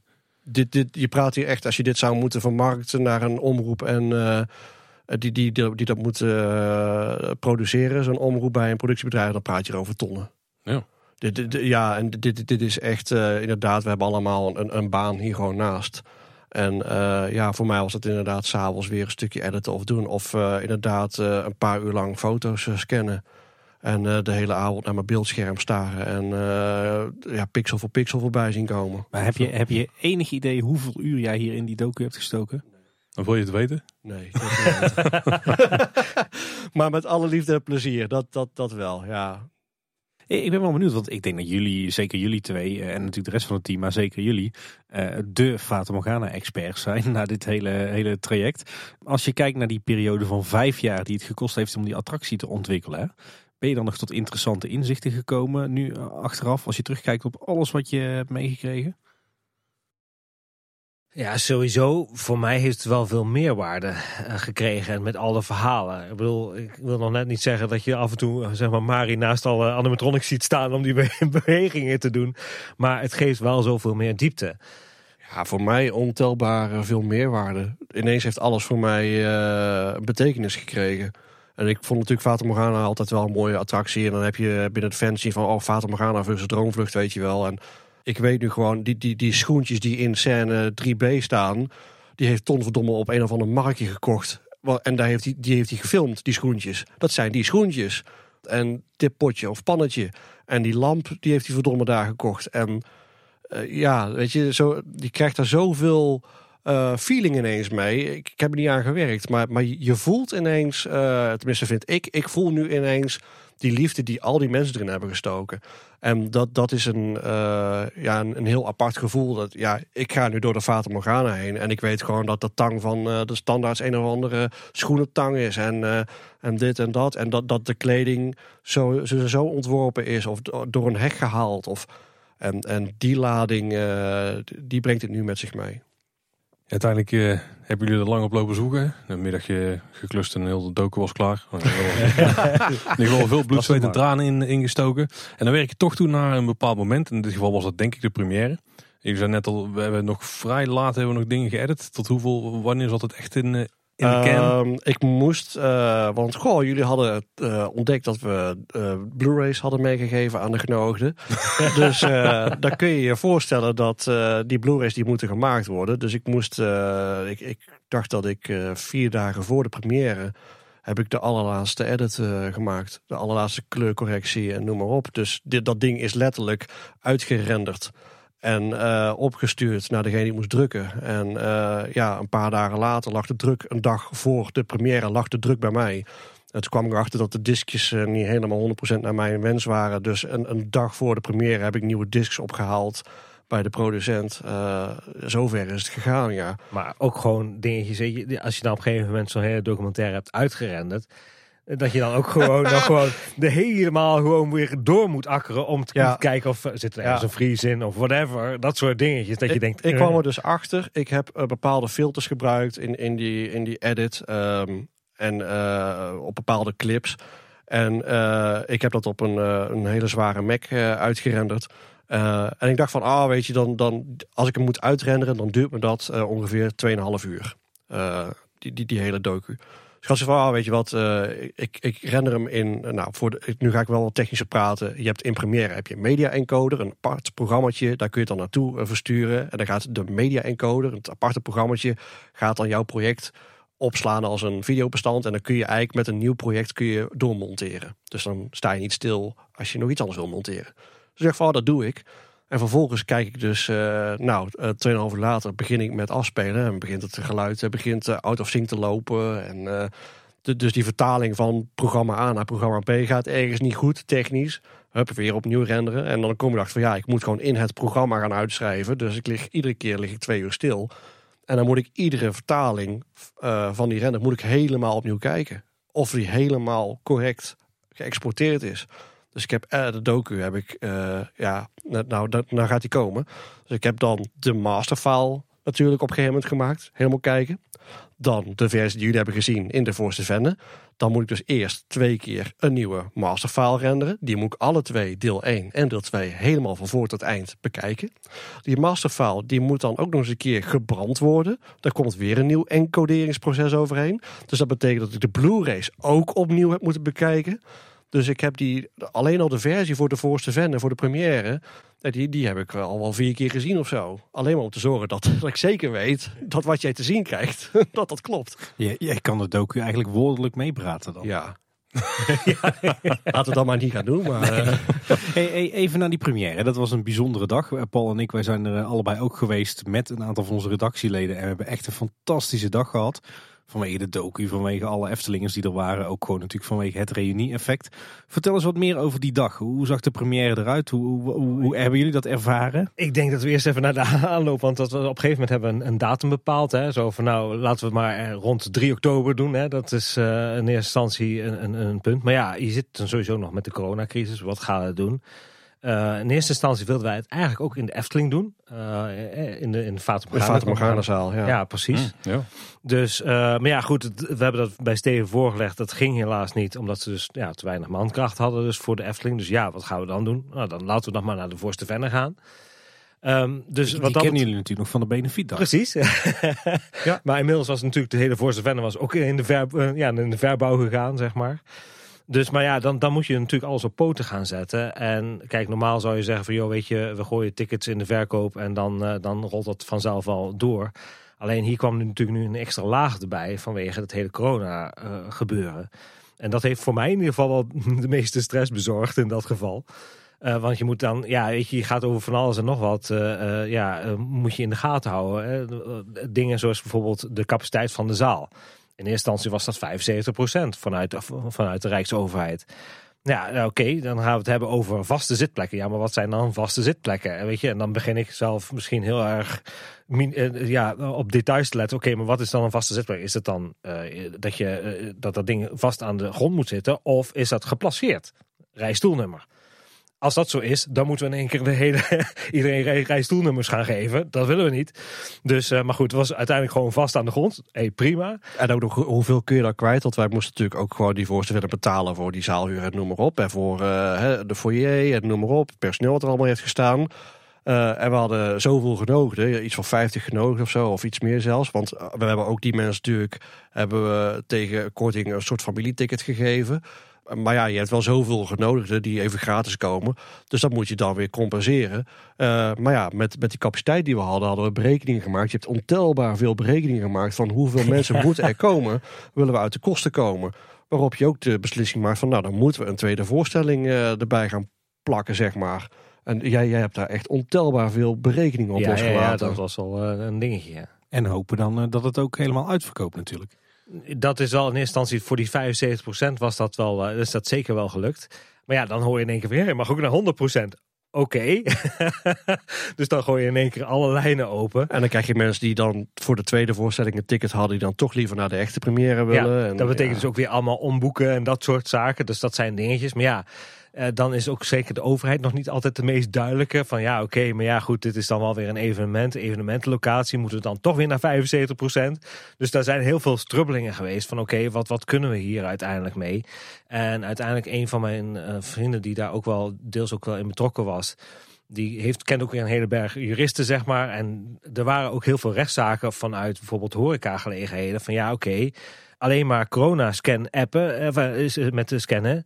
Uh, de, de, de QR-code is niet voldoende. Je moet ook bijvoorbeeld je legitimatie laten zien. En dat is waar op dit moment heel veel rechtszaken ook over gaan. Dus dat zijn allemaal leerpunten die je dan ook weer meeneemt. Grootste probleem voor ons was wel dat we eventueel bezoek konden krijgen van BOA's. En als die in één keer dus dan binnen gaan komen, ja, dan, uh, dan, heb je, dan moet je heel erg goed op gaan passen. Want dan anders heb je 2500 euro uh, op zijn minst uh, aan je broek. Ja, we hadden uitgebreid in de media gestaan hier. Dat, dat hebben jullie natuurlijk ook gezien. Zeker. Ja. De, de, dus ja, weet je, de kans was inderdaad best groot dat we misschien een steekproef zouden krijgen. Dus ja, jij hebt daar een heel draaiboek van gemaakt, ja. een, een corona-draaiboek. En we hebben heel veel mensen weten op te trommelen die ons uh, belangeloos uh, hebben meegeholpen. Die daarom uh, ja, alles zo soepel mogelijk te laten verlopen. Ook, en Carlo ook heel veel nagedacht over hoe gaan we het in godsnaam doen. Mensen die binnenkomen. Mensen die dan eerst door die check moeten.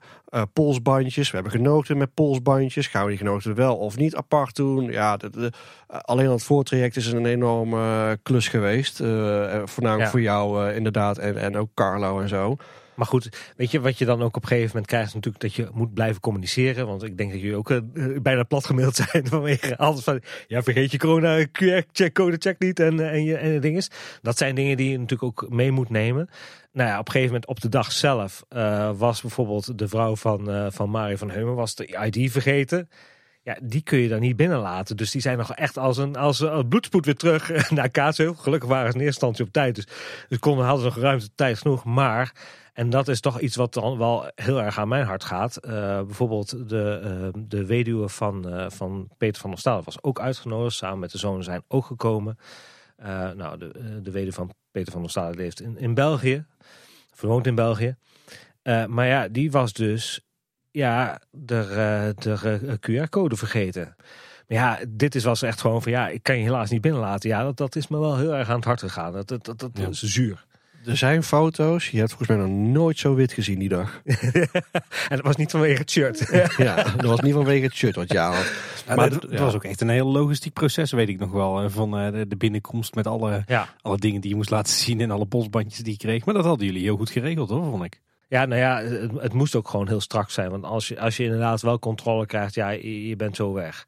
En zeker als jij 250 mensen in eerste instantie binnen hebt zitten, ja, er hoeft er maar één zijn ID uh, niet bij te hebben. Ja, en je gaat gewoon nat, hè. Oh, die ene boa konden we wel aan hoor. ja, wij hadden ook intern wel de, de boa-kikker. Hè? Ja. nee, maar de dag zelf is gelukkig. En ook dankzij iedereen uh, die is gekomen. En ook hè, heel veel luisteraars van jullie en zo. Uh, heel goed verlopen. En iedereen heeft gelukkig heel veel begrip daarin getoond. En, en daar zijn we ook heel dankbaar voor. Uh, dus, dus op één iemand na ja, zijn er gewoon geen klachten geweest. En eigenlijk andersom ja, complimenten dat we het zo hebben aangepakt. Maar de dag zelf is verder heel soepel verlopen. Het Ja. is voorbij gevlogen. Ehm, Ja, en ik, ik kreeg op een gegeven moment bij de première kreeg ik mijn horloge. Ik heb zo'n smartwatch. Die begon eens te tikken van ja, je hebt een ontzettend hoge hartslag in rust. Dus uh, schijnbaar was ik. Uh, er gaat iets mis. Heel, ja. er gaat iets mis, gaat alles wel goed. Dus uh, ik was schijnbaar toch wel stiekem best gespannen. En ja, het is voorbij gevlogen. En na de première hadden wij nog even een borrel met de genodigden, inderdaad. Ja, dat was ook een enorm succes. Ja, dat was een enorm weerzien voor iedereen. We hebben echt geluk gehad. Dat moet ik echt zeggen. We hebben echt geluk gehad dat we het zo hebben kunnen doen. Uh, jullie hebben helaas echt heel veel pech in. Met uh, Kleine Boodschap 250. Wrijf het er nog maar eens in. Ja, ja, ja. maar dat gaat goed komen. Maar dat gaat goed komen. ja. Uiteindelijk wel, ja. En, uh, en, ja, en dan moeten wij op een gegeven moment moeten wij weer door. Want dan staat uh, deel 2, de avondprogramma staat alweer te wachten. ook bijna helemaal uitverkocht. Uh, tussendoor moeten we nog even uh, wat, wat eten door onze uh, giegel naar binnen douwen. En dan staan we voor de volgende te, te, te draaien. En jullie kregen een heel indrukwekkend dankwoord hè, aan het einde van de, van de eerste vertoning. Door volgens mij jouw zus, toch? Ja, klopt inderdaad. ja, ja. Met de boeken. En, ja, ja, ja, dat was trouwens niet gepland. nee. Hebben jullie het droog gehouden die dag? Uh, ik wel, volgens mij, voor zover ik weet, was wel, uh, was wel een opluchting als het toen het klaar was, zeg maar. Dat, dat absoluut wel. Maar, ja. Uh, ja, ik heb het ook wel droog gehouden, maar ja, je staat zo onder positieve spanning. En um, ja, de, de, de, dag vliegt voorbij. ik, ik ben heel blij geweest met, met, met, met de borrel. Uh, daar hebben we ook nog discussies over gehad. Van moet het nou een lunch zijn van tevoren of niet? we hebben toen ook gehaald van nee, het moet een borrel zijn. Hoe gaan we dat dan doen? Nou, maar goed, het is allemaal goed gekomen. En als je dan ziet hoe iedereen uh, daar elkaar weer gevonden heeft als community. We hebben ook, Piet heeft foto's gemaakt. En dat op een gegeven moment al die oud Eftelingers bij elkaar zijn op een groepsfoto. Ja, dat is goud. En we hebben ook ik had vijf posters van de documentaire had ik op een rij gelegd. Gouden stift erbij. Dus ik heb iedereen die posters laten signeren. Dus er moet er nog eentje gesigneerd worden. Of één iemand moet ze nog signeren. Eigenlijk twee trouwens. En ja, dan wordt hij ook mooi ingelijst bij mij. en, en dat zijn hele mooie, dierbare herinneringen aan zo'n dag. Ja, ja mooi bijeffect inderdaad. Ja. Hey, hoe waren de reacties op de docu? Ja, volgens mij, ik, ik, ik, ik baal eigenlijk dat ik heel weinig tijd heb gehad om ja, heel veel mensen te spreken. Uh, ik ben in de pauze even door de foyer gelopen. Ik heb uh, een paar mensen gesproken. Ik heb jullie volgens mij nog even gauw gesproken. Tuurlijk. Ja, en, en, maar eigenlijk had ik veel te weinig tijd. En achteraf moesten wij gelijk door naar die borrel. En ik heb wel hier en daar wel wat mensen even gehoord. En, en, en wat ik dan heb gehoord is gelukkig heel positief geweest. En ik denk dat heel veel mensen positief, heel positief waren. Maar dat is eh, iets wat ik wel jammer vind. Ik had heel veel mensen liever nog willen spreken. Of dat die misschien ons wat meer konden ja, bijkleppen. Of uh, wat ze er nou echt van vonden. Dus bij de tweede voorstelling wel wat meer gelukt. En daar waren de, positief, of, uh, de reacties wel heel positief. Dus ja, ik, ik hoop dat, dat we iedereen heel leuk hebben kunnen verrassen. En ja, kunnen verblijden met die docu. Wij waren laaiend enthousiast, Paul. Ja, absoluut. Ja, zeker. Nee, maar dan is zo'n première voorbij. En dan moet hij nog op YouTube. Maar dat, dat heeft nog even geduurd. Ja, klopt. Uh, heeft meerdere redenen. Ten eerste willen we niet gewoon die documentaire zomaar op uh, YouTube knallen. Uh, ten eerste voor de mensen die natuurlijk gekomen zijn. Kijk, dat proberen we wel ook duidelijk te maken aan mensen die naar onze evenementen komen. Je, je, betaalt er iets voor, maar je krijgt er ook eigenlijk best wel veel voor. buiten het product waar je voor komt, is het een weerzien als jullie en ook voor ons met andere Efteling-fans. Maar en in zeker zo'n geval als met de documentaire, als je naar de première gaat, die mensen die erin zitten, die komen ook. Dus als jij Ruud Bos wil ontmoeten, dan is dit je kans, zeg maar. De, dus zo'n evenement heeft heel veel, heeft heel veel lading. Ehm, maar goed, dus we willen niet gelijk die documentaire dan een dag later online kicken. Dat, ja, weet je, zo'n evenement is al heel speciaal. En ja, je wil dan niet iedereen eh, tegen de schenen schoppen van ja, je had ook gewoon lekker thuis kunnen blijven. Een dag later staat hij online. Um, maar dus we proberen daar altijd wel wat tijd tussen te trekken. We, we, bepalen nooit van tevoren hoe lang dat moet zijn of noem maar op. Plus dat we ook wisten dat er andere partijen geïnteresseerd waren om eventueel die documentaire ook te vertonen. Al dan niet op tv of noem maar op. En daar gaan dan gesprekken over. En dan heb je serieus onderhandelingen, contractonderhandelingen. Over wat je wel niet mag zeggen of publiceren of doen. En dat moet wel eigenlijk rond zijn, 100% voordat je zeker weet van oké, ik kan wel of niet dan live met iets. Uh, of in die vorm. Um, dus dat telt allemaal mee. Eh, maar het stond wel min of meer op een gegeven moment voor mij vast. Uh, daar heb ik nog wel een beetje bij jullie moeten overtuigen. In ieder geval bij, bij Carlo. Ik zit van, ik wil hem wel eigenlijk nog dit jaar online hebben. Want dit jaar is Fata Morgana gewoon 35 jaar. Dus dat past dan mooi in het geel. Dus uh, vandaar dat hij eigenlijk zo laat, maar toch wel dit jaar nog uh, online komt. Ja. Maar ik begrijp daaruit dat we de, de docu niet nog elders op tv gaan zien. Uh, wie weet wel. Oh. We zeiden net al, de reactie vanuit ons die was super positief. zelfs zo positief dat, dat bij ons natuurlijk meteen begint te knagen. Hoe lang moeten we wachten op de volgende productie van de Vijf Zintuigen? ja. Wat hebben jullie toekomstplannen? Is er weer wat in de maag? Genoeg. ja, zoals we in het interview zeiden met het Brabants Dagblad, voorlopig zijn we nog niet uitgespeeld. nee, we hebben nog wel wat leuke ideeën. Uh, we hebben al vaker genoemd, Paul Beck, uh, hebben nog gesprekken mee om te kijken van oké, hoe gaan we dat aanvliegen? Uh, die is ook niet meer de meest fitte persoon. nou, Marie van Heumen is iemand die nu op ons lijstje terecht is gekomen van oh, daar leeft heel veel. Uh, we hebben nog niet echt concreet uh, nieuwe plannen. Ik moet ook wel zeggen, ik moet er wel even bij komen. Um, je, hebt nog niet, je hebt niet al een project geopend in je software? Nee, nee. Ik heb, nee, uh, in, in, en, en, jij hebt ook nog geen script draft ik, ik ben gemaakt. bezig, ik ben bezig. ja, oké. Okay, maar maar er, nee, er staat nog niet echt concreet iets vast. En wat het ook echt gaat worden. En, en noem maar op. Dus nou, to be continued. En mag ik dan een voorstel doen? Zeker gezien de huidige geruchten. Eigenlijk wordt het spookslot dan toch ook wel een making-of te hebben. Oh, ja. daar hebben we helaas geen beelden van. Dus dat wordt een beetje uh, spannend. Hmm, heel veel fotomateriaal misschien. Ik denk dat het wel persfoto's en dan... Het is wel een uitdaging, jongens. Ja, ja dat, is wel een uitdaging. Carlo, uh, opdracht bij deze. Ga even wat dingen uitzoeken alvast. ik, uh, ik ben trouwens wel... Hebben we het net over die, die première gehad. En, en wat ik ook zei, ik heb helaas heel weinig men mensen gesproken. Ik ben ook wel eigenlijk benieuwd bij jullie beiden. Jullie hebben die, trailer natuurlijk gezien. En uh, ja, misschien hebben we wel dingen al vooraf gespoilerd. Van oh, je moet echt komen. Maar hoe, hoe, wat voor gedachten hadden jullie er van tevoren over? Van wat het zou gaan zijn? En is dat een beetje uitgekomen? Nou ja, misschien uh, is dat een hele simpel antwoord. Maar wat hadden jullie van tevoren verwacht eigenlijk? Nee, ik heb de trailer wel gezien. Uh, ik moet zeggen dat ik die expres ook niet super aandachtig meermaals heb gekeken om alvast, want dan ging ik mezelf spoileren. Nee, nee, ik heb hem gewoon één keer gekeken en daar heb ik het zoveel mogelijk bij gelaten.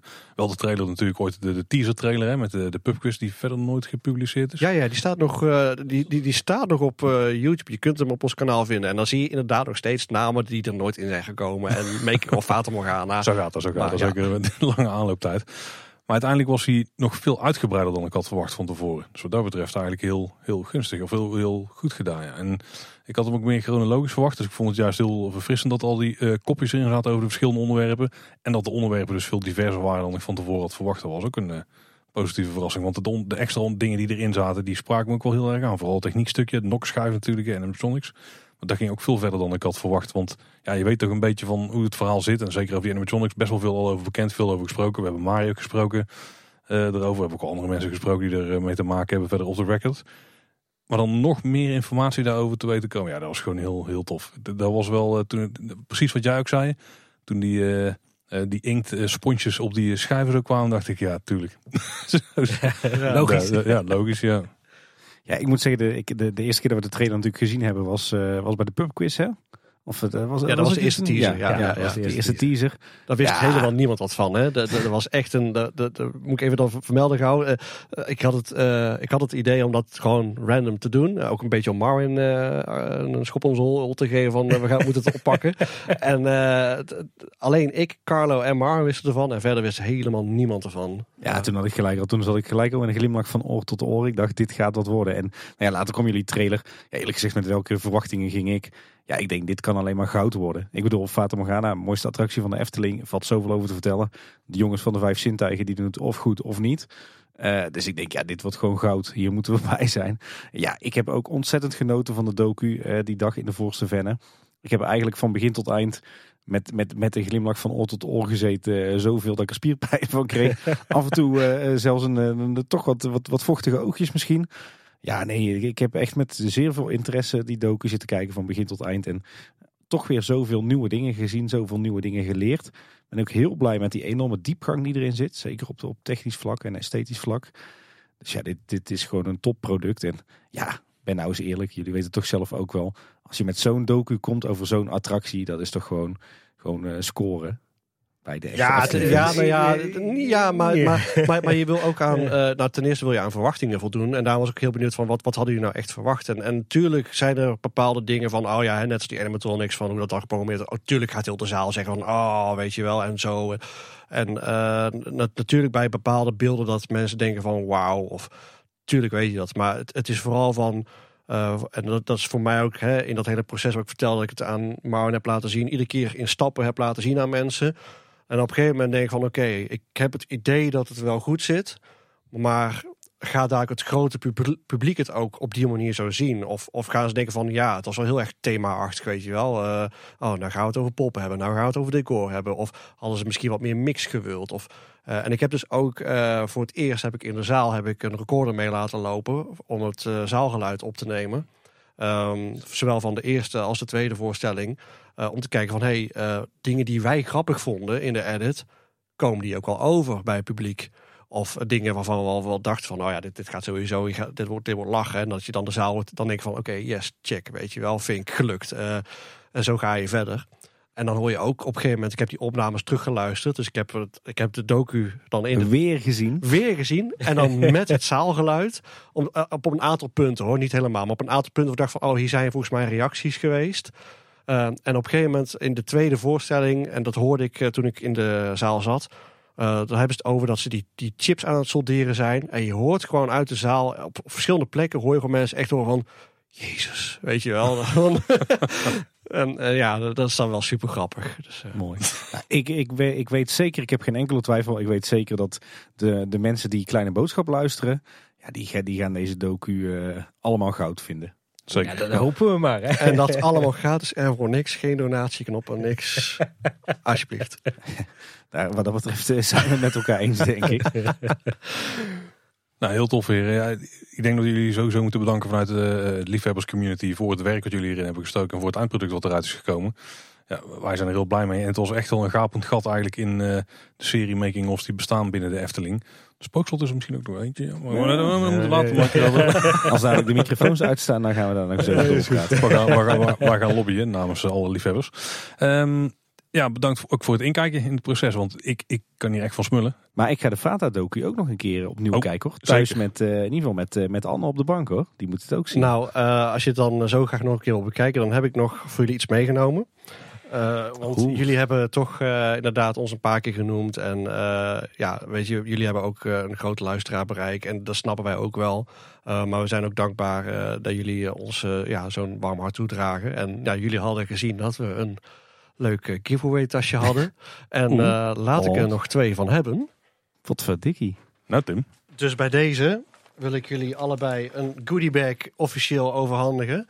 Heel Eh, met daarin ja, ons vijf zintuigen tasje. Met daarin de filmposter. het zijn geen boodschappentassen, maar Een, Nee, het zijn geen boodschappen. nee, het zijn geen boodschappentassen. Eh, een bedankkaartje die iedereen heeft gekregen. En eh, ja, een van de Hey. 50 eh, Blu-rays. Wauw, wauw, wauw, wauw. Oh, vet. wauw. Heel gaaf. kan je die thuis afspelen Tim in Blu-ray? Ja, zeker. Ik heb een Oh. DVD Blu-ray speler, ja. Oh. Zo, bezig. kijk. Maar ja, heb jij die eigenlijk nog wel, Paul? Hij kan hem met PlayStation volgens mij, dus dat is mooi. Ja, dat denk ik ook wel. Dus eh, dan kun je hem in de volle kwaliteit eh, nog eens rustig nagenieten. Heel gaaf, heel gaaf. Dank Ja, je dus, wel, eh, alsjeblieft. Heel tof. En eh, misschien eh, dat je een mooi lijstje hebt voor de filmposter. Die kan ik hier mooi ophangen. Die gaat, eh, die gaat sowieso, eh, krijgt hij een mooi plekje in de Efteling verzameling. nou, alsjeblieft. Ja mannen, ook namens mij ontzettend bedankt voor eh, de geweldige documentaire. En sowieso alle tijd en liefde die jullie in, eh, in het Efteling liefhebberschap eh, steken. En waar wij telkens van mee kunnen genieten. Eh, ik kan alleen maar zeggen, ga zo door. En blijf ons verwennen met dit soort content. En eh, ja, ik hoop dat jullie iedere keer weer even bij ons komen kletsen om te vertellen over al jullie avonturen. Met alle plezier. Met alle plezier. En eh, ja, heel erg dankbaar dat wij ons verhaal mochten doen. Ik zal ook zorgen dat ik wat fotootjes en eh, een screenshot van de, het projectbestand, de tijdlijn eh Oh, ja. aanleveren. Dan kun je in de show notes eh, nog eens kijken eh, hoe dat eruit zag. ja, dat is tof. Ja. Hey, eh, voordat we het daarover gaan hebben, over de show notes, eh, willen we ook nog even weten waar kunnen mensen jullie vinden. Nou, mocht je de docu willen bekijken, dan kan het sowieso op YouTube. Hè, natuurlijk het Vijf Zintuigen kanaal. Check het eventjes. Eh, je kunt ons natuurlijk ook het volgen op vijfzintuigen.nl. Eh, mocht je geïnteresseerd zijn in het Europapark gedeelte, dan hebben we natuurlijk de podcast Oh, Afterpark Live. Maar goed, Nou, we hebben beide keer gefigureerd, Tim. Dus eh, dat Ja, is dat is mooi waar, dat is waar, dat is waar. Dus wat dat betreft ook een kind aan huis. Ja, en eh, inderdaad, dus de kanalen die je net genoemd van Vijf Zintuigen. eh, ja, persoonlijk kun je mij volgen op eh, Instagram. Daar wil ik af en toe wel eens wat posten, inderdaad. Dus eh, gewoon onder de naam Sander Roeling. ik zit ook op Twitter op de naam Sander Roeling. En, en als ik nou een leuke bedrijfsvideo of zo wil laten maken, waar moet ik dan zijn? sanderroeling.com, Sandero Videoproducties. Ben je zeker welkom. Goed om te weten. Je haalde net de show notes al aan. Die vind je natuurlijk op kleineboodschap.com. En als je ons wil volgen, dan kun je naar kleineboodschap.com slash volgen gaan. Dan staat er mooi opgezond waar je, waar, je, waar je ons allemaal kunt vinden. Ja, je kan natuurlijk reageren op social media. We zijn heel erg benieuwd wat je van deze aflevering vond, maar zeker wat je van de Vata-docu vond. Eh, laat het dus weten op social media, maar je kan ons ook eh, een mailtje sturen en dat kan op info.kleineboodschap.com. En nog een tip trouwens, kijk je naar de documentaire op YouTube. Laat ook even een comment achter op YouTube. Want volgens mij helpt het jullie enorm zodat andere mensen die video weer vinden. Ja, eh, ten, ten eerste natuurlijk gewoon geef je oprechte mening. Eh, daar zijn we sowieso blij op. Maar we zouden het sowieso leuk vinden als je een comment achterlaat. Even een duimpje omhoog. Eh, mocht je nog niet geabonneerd zijn, dan is dat ook zeker de moeite.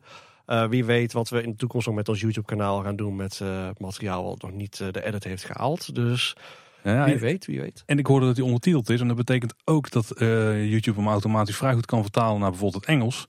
Ja. En, en ik denk dat dit wel een video is die, of dit wel een documentaire is die potentie heeft om ook onder de, nou, bijvoorbeeld de, de Disney community een beetje verspreid te worden. Want het wordt Zeker. vaak aangehaald, Fata Morgana. Ja, ja, ja de- ik heb er een Nederlandse ondertiteling in gezet. Eh, vergeef me als er een ondertitelfoutje in zit, want ik kan hem niet meer zien. Maar, eh, in- en dat inderdaad helpt erbij dat als je hem automatisch laat vertalen naar een andere taal, eh, Engels, Duits, noem maar op, dat kan Google heel goed tegenwoordig, ook in de juiste zinsvolgorde. Dus mocht je inderdaad internationale fans kennen die dit interessant vinden, dan eh, ja, kun je dat zeker op die manier eh, doorgeven. Laten we hopen op eh, veel views voor de documentaire. Zou, eh, zou niet onterecht zijn. Duimpje omhoog, zeggen al die vloggers dan toch? Zeker weten. Duim- duimpje omhoog, abonneren, druk op het belletje en laat even een comment achter. Nou, dat, je weet goed hoe het zit in. Goed Ja, ja, ja. Vaak genoeg naar Bad Baan gekeken. Precies. Nou, laten we, daarvoor, eh, laten we het daar voor deze bonusaflevering maar eh, ophouden. Eh luisteraars, bedankt voor het luisteren. Tot de volgende keer en houdoe. Houdoe, war. Houdoe. Houdoe.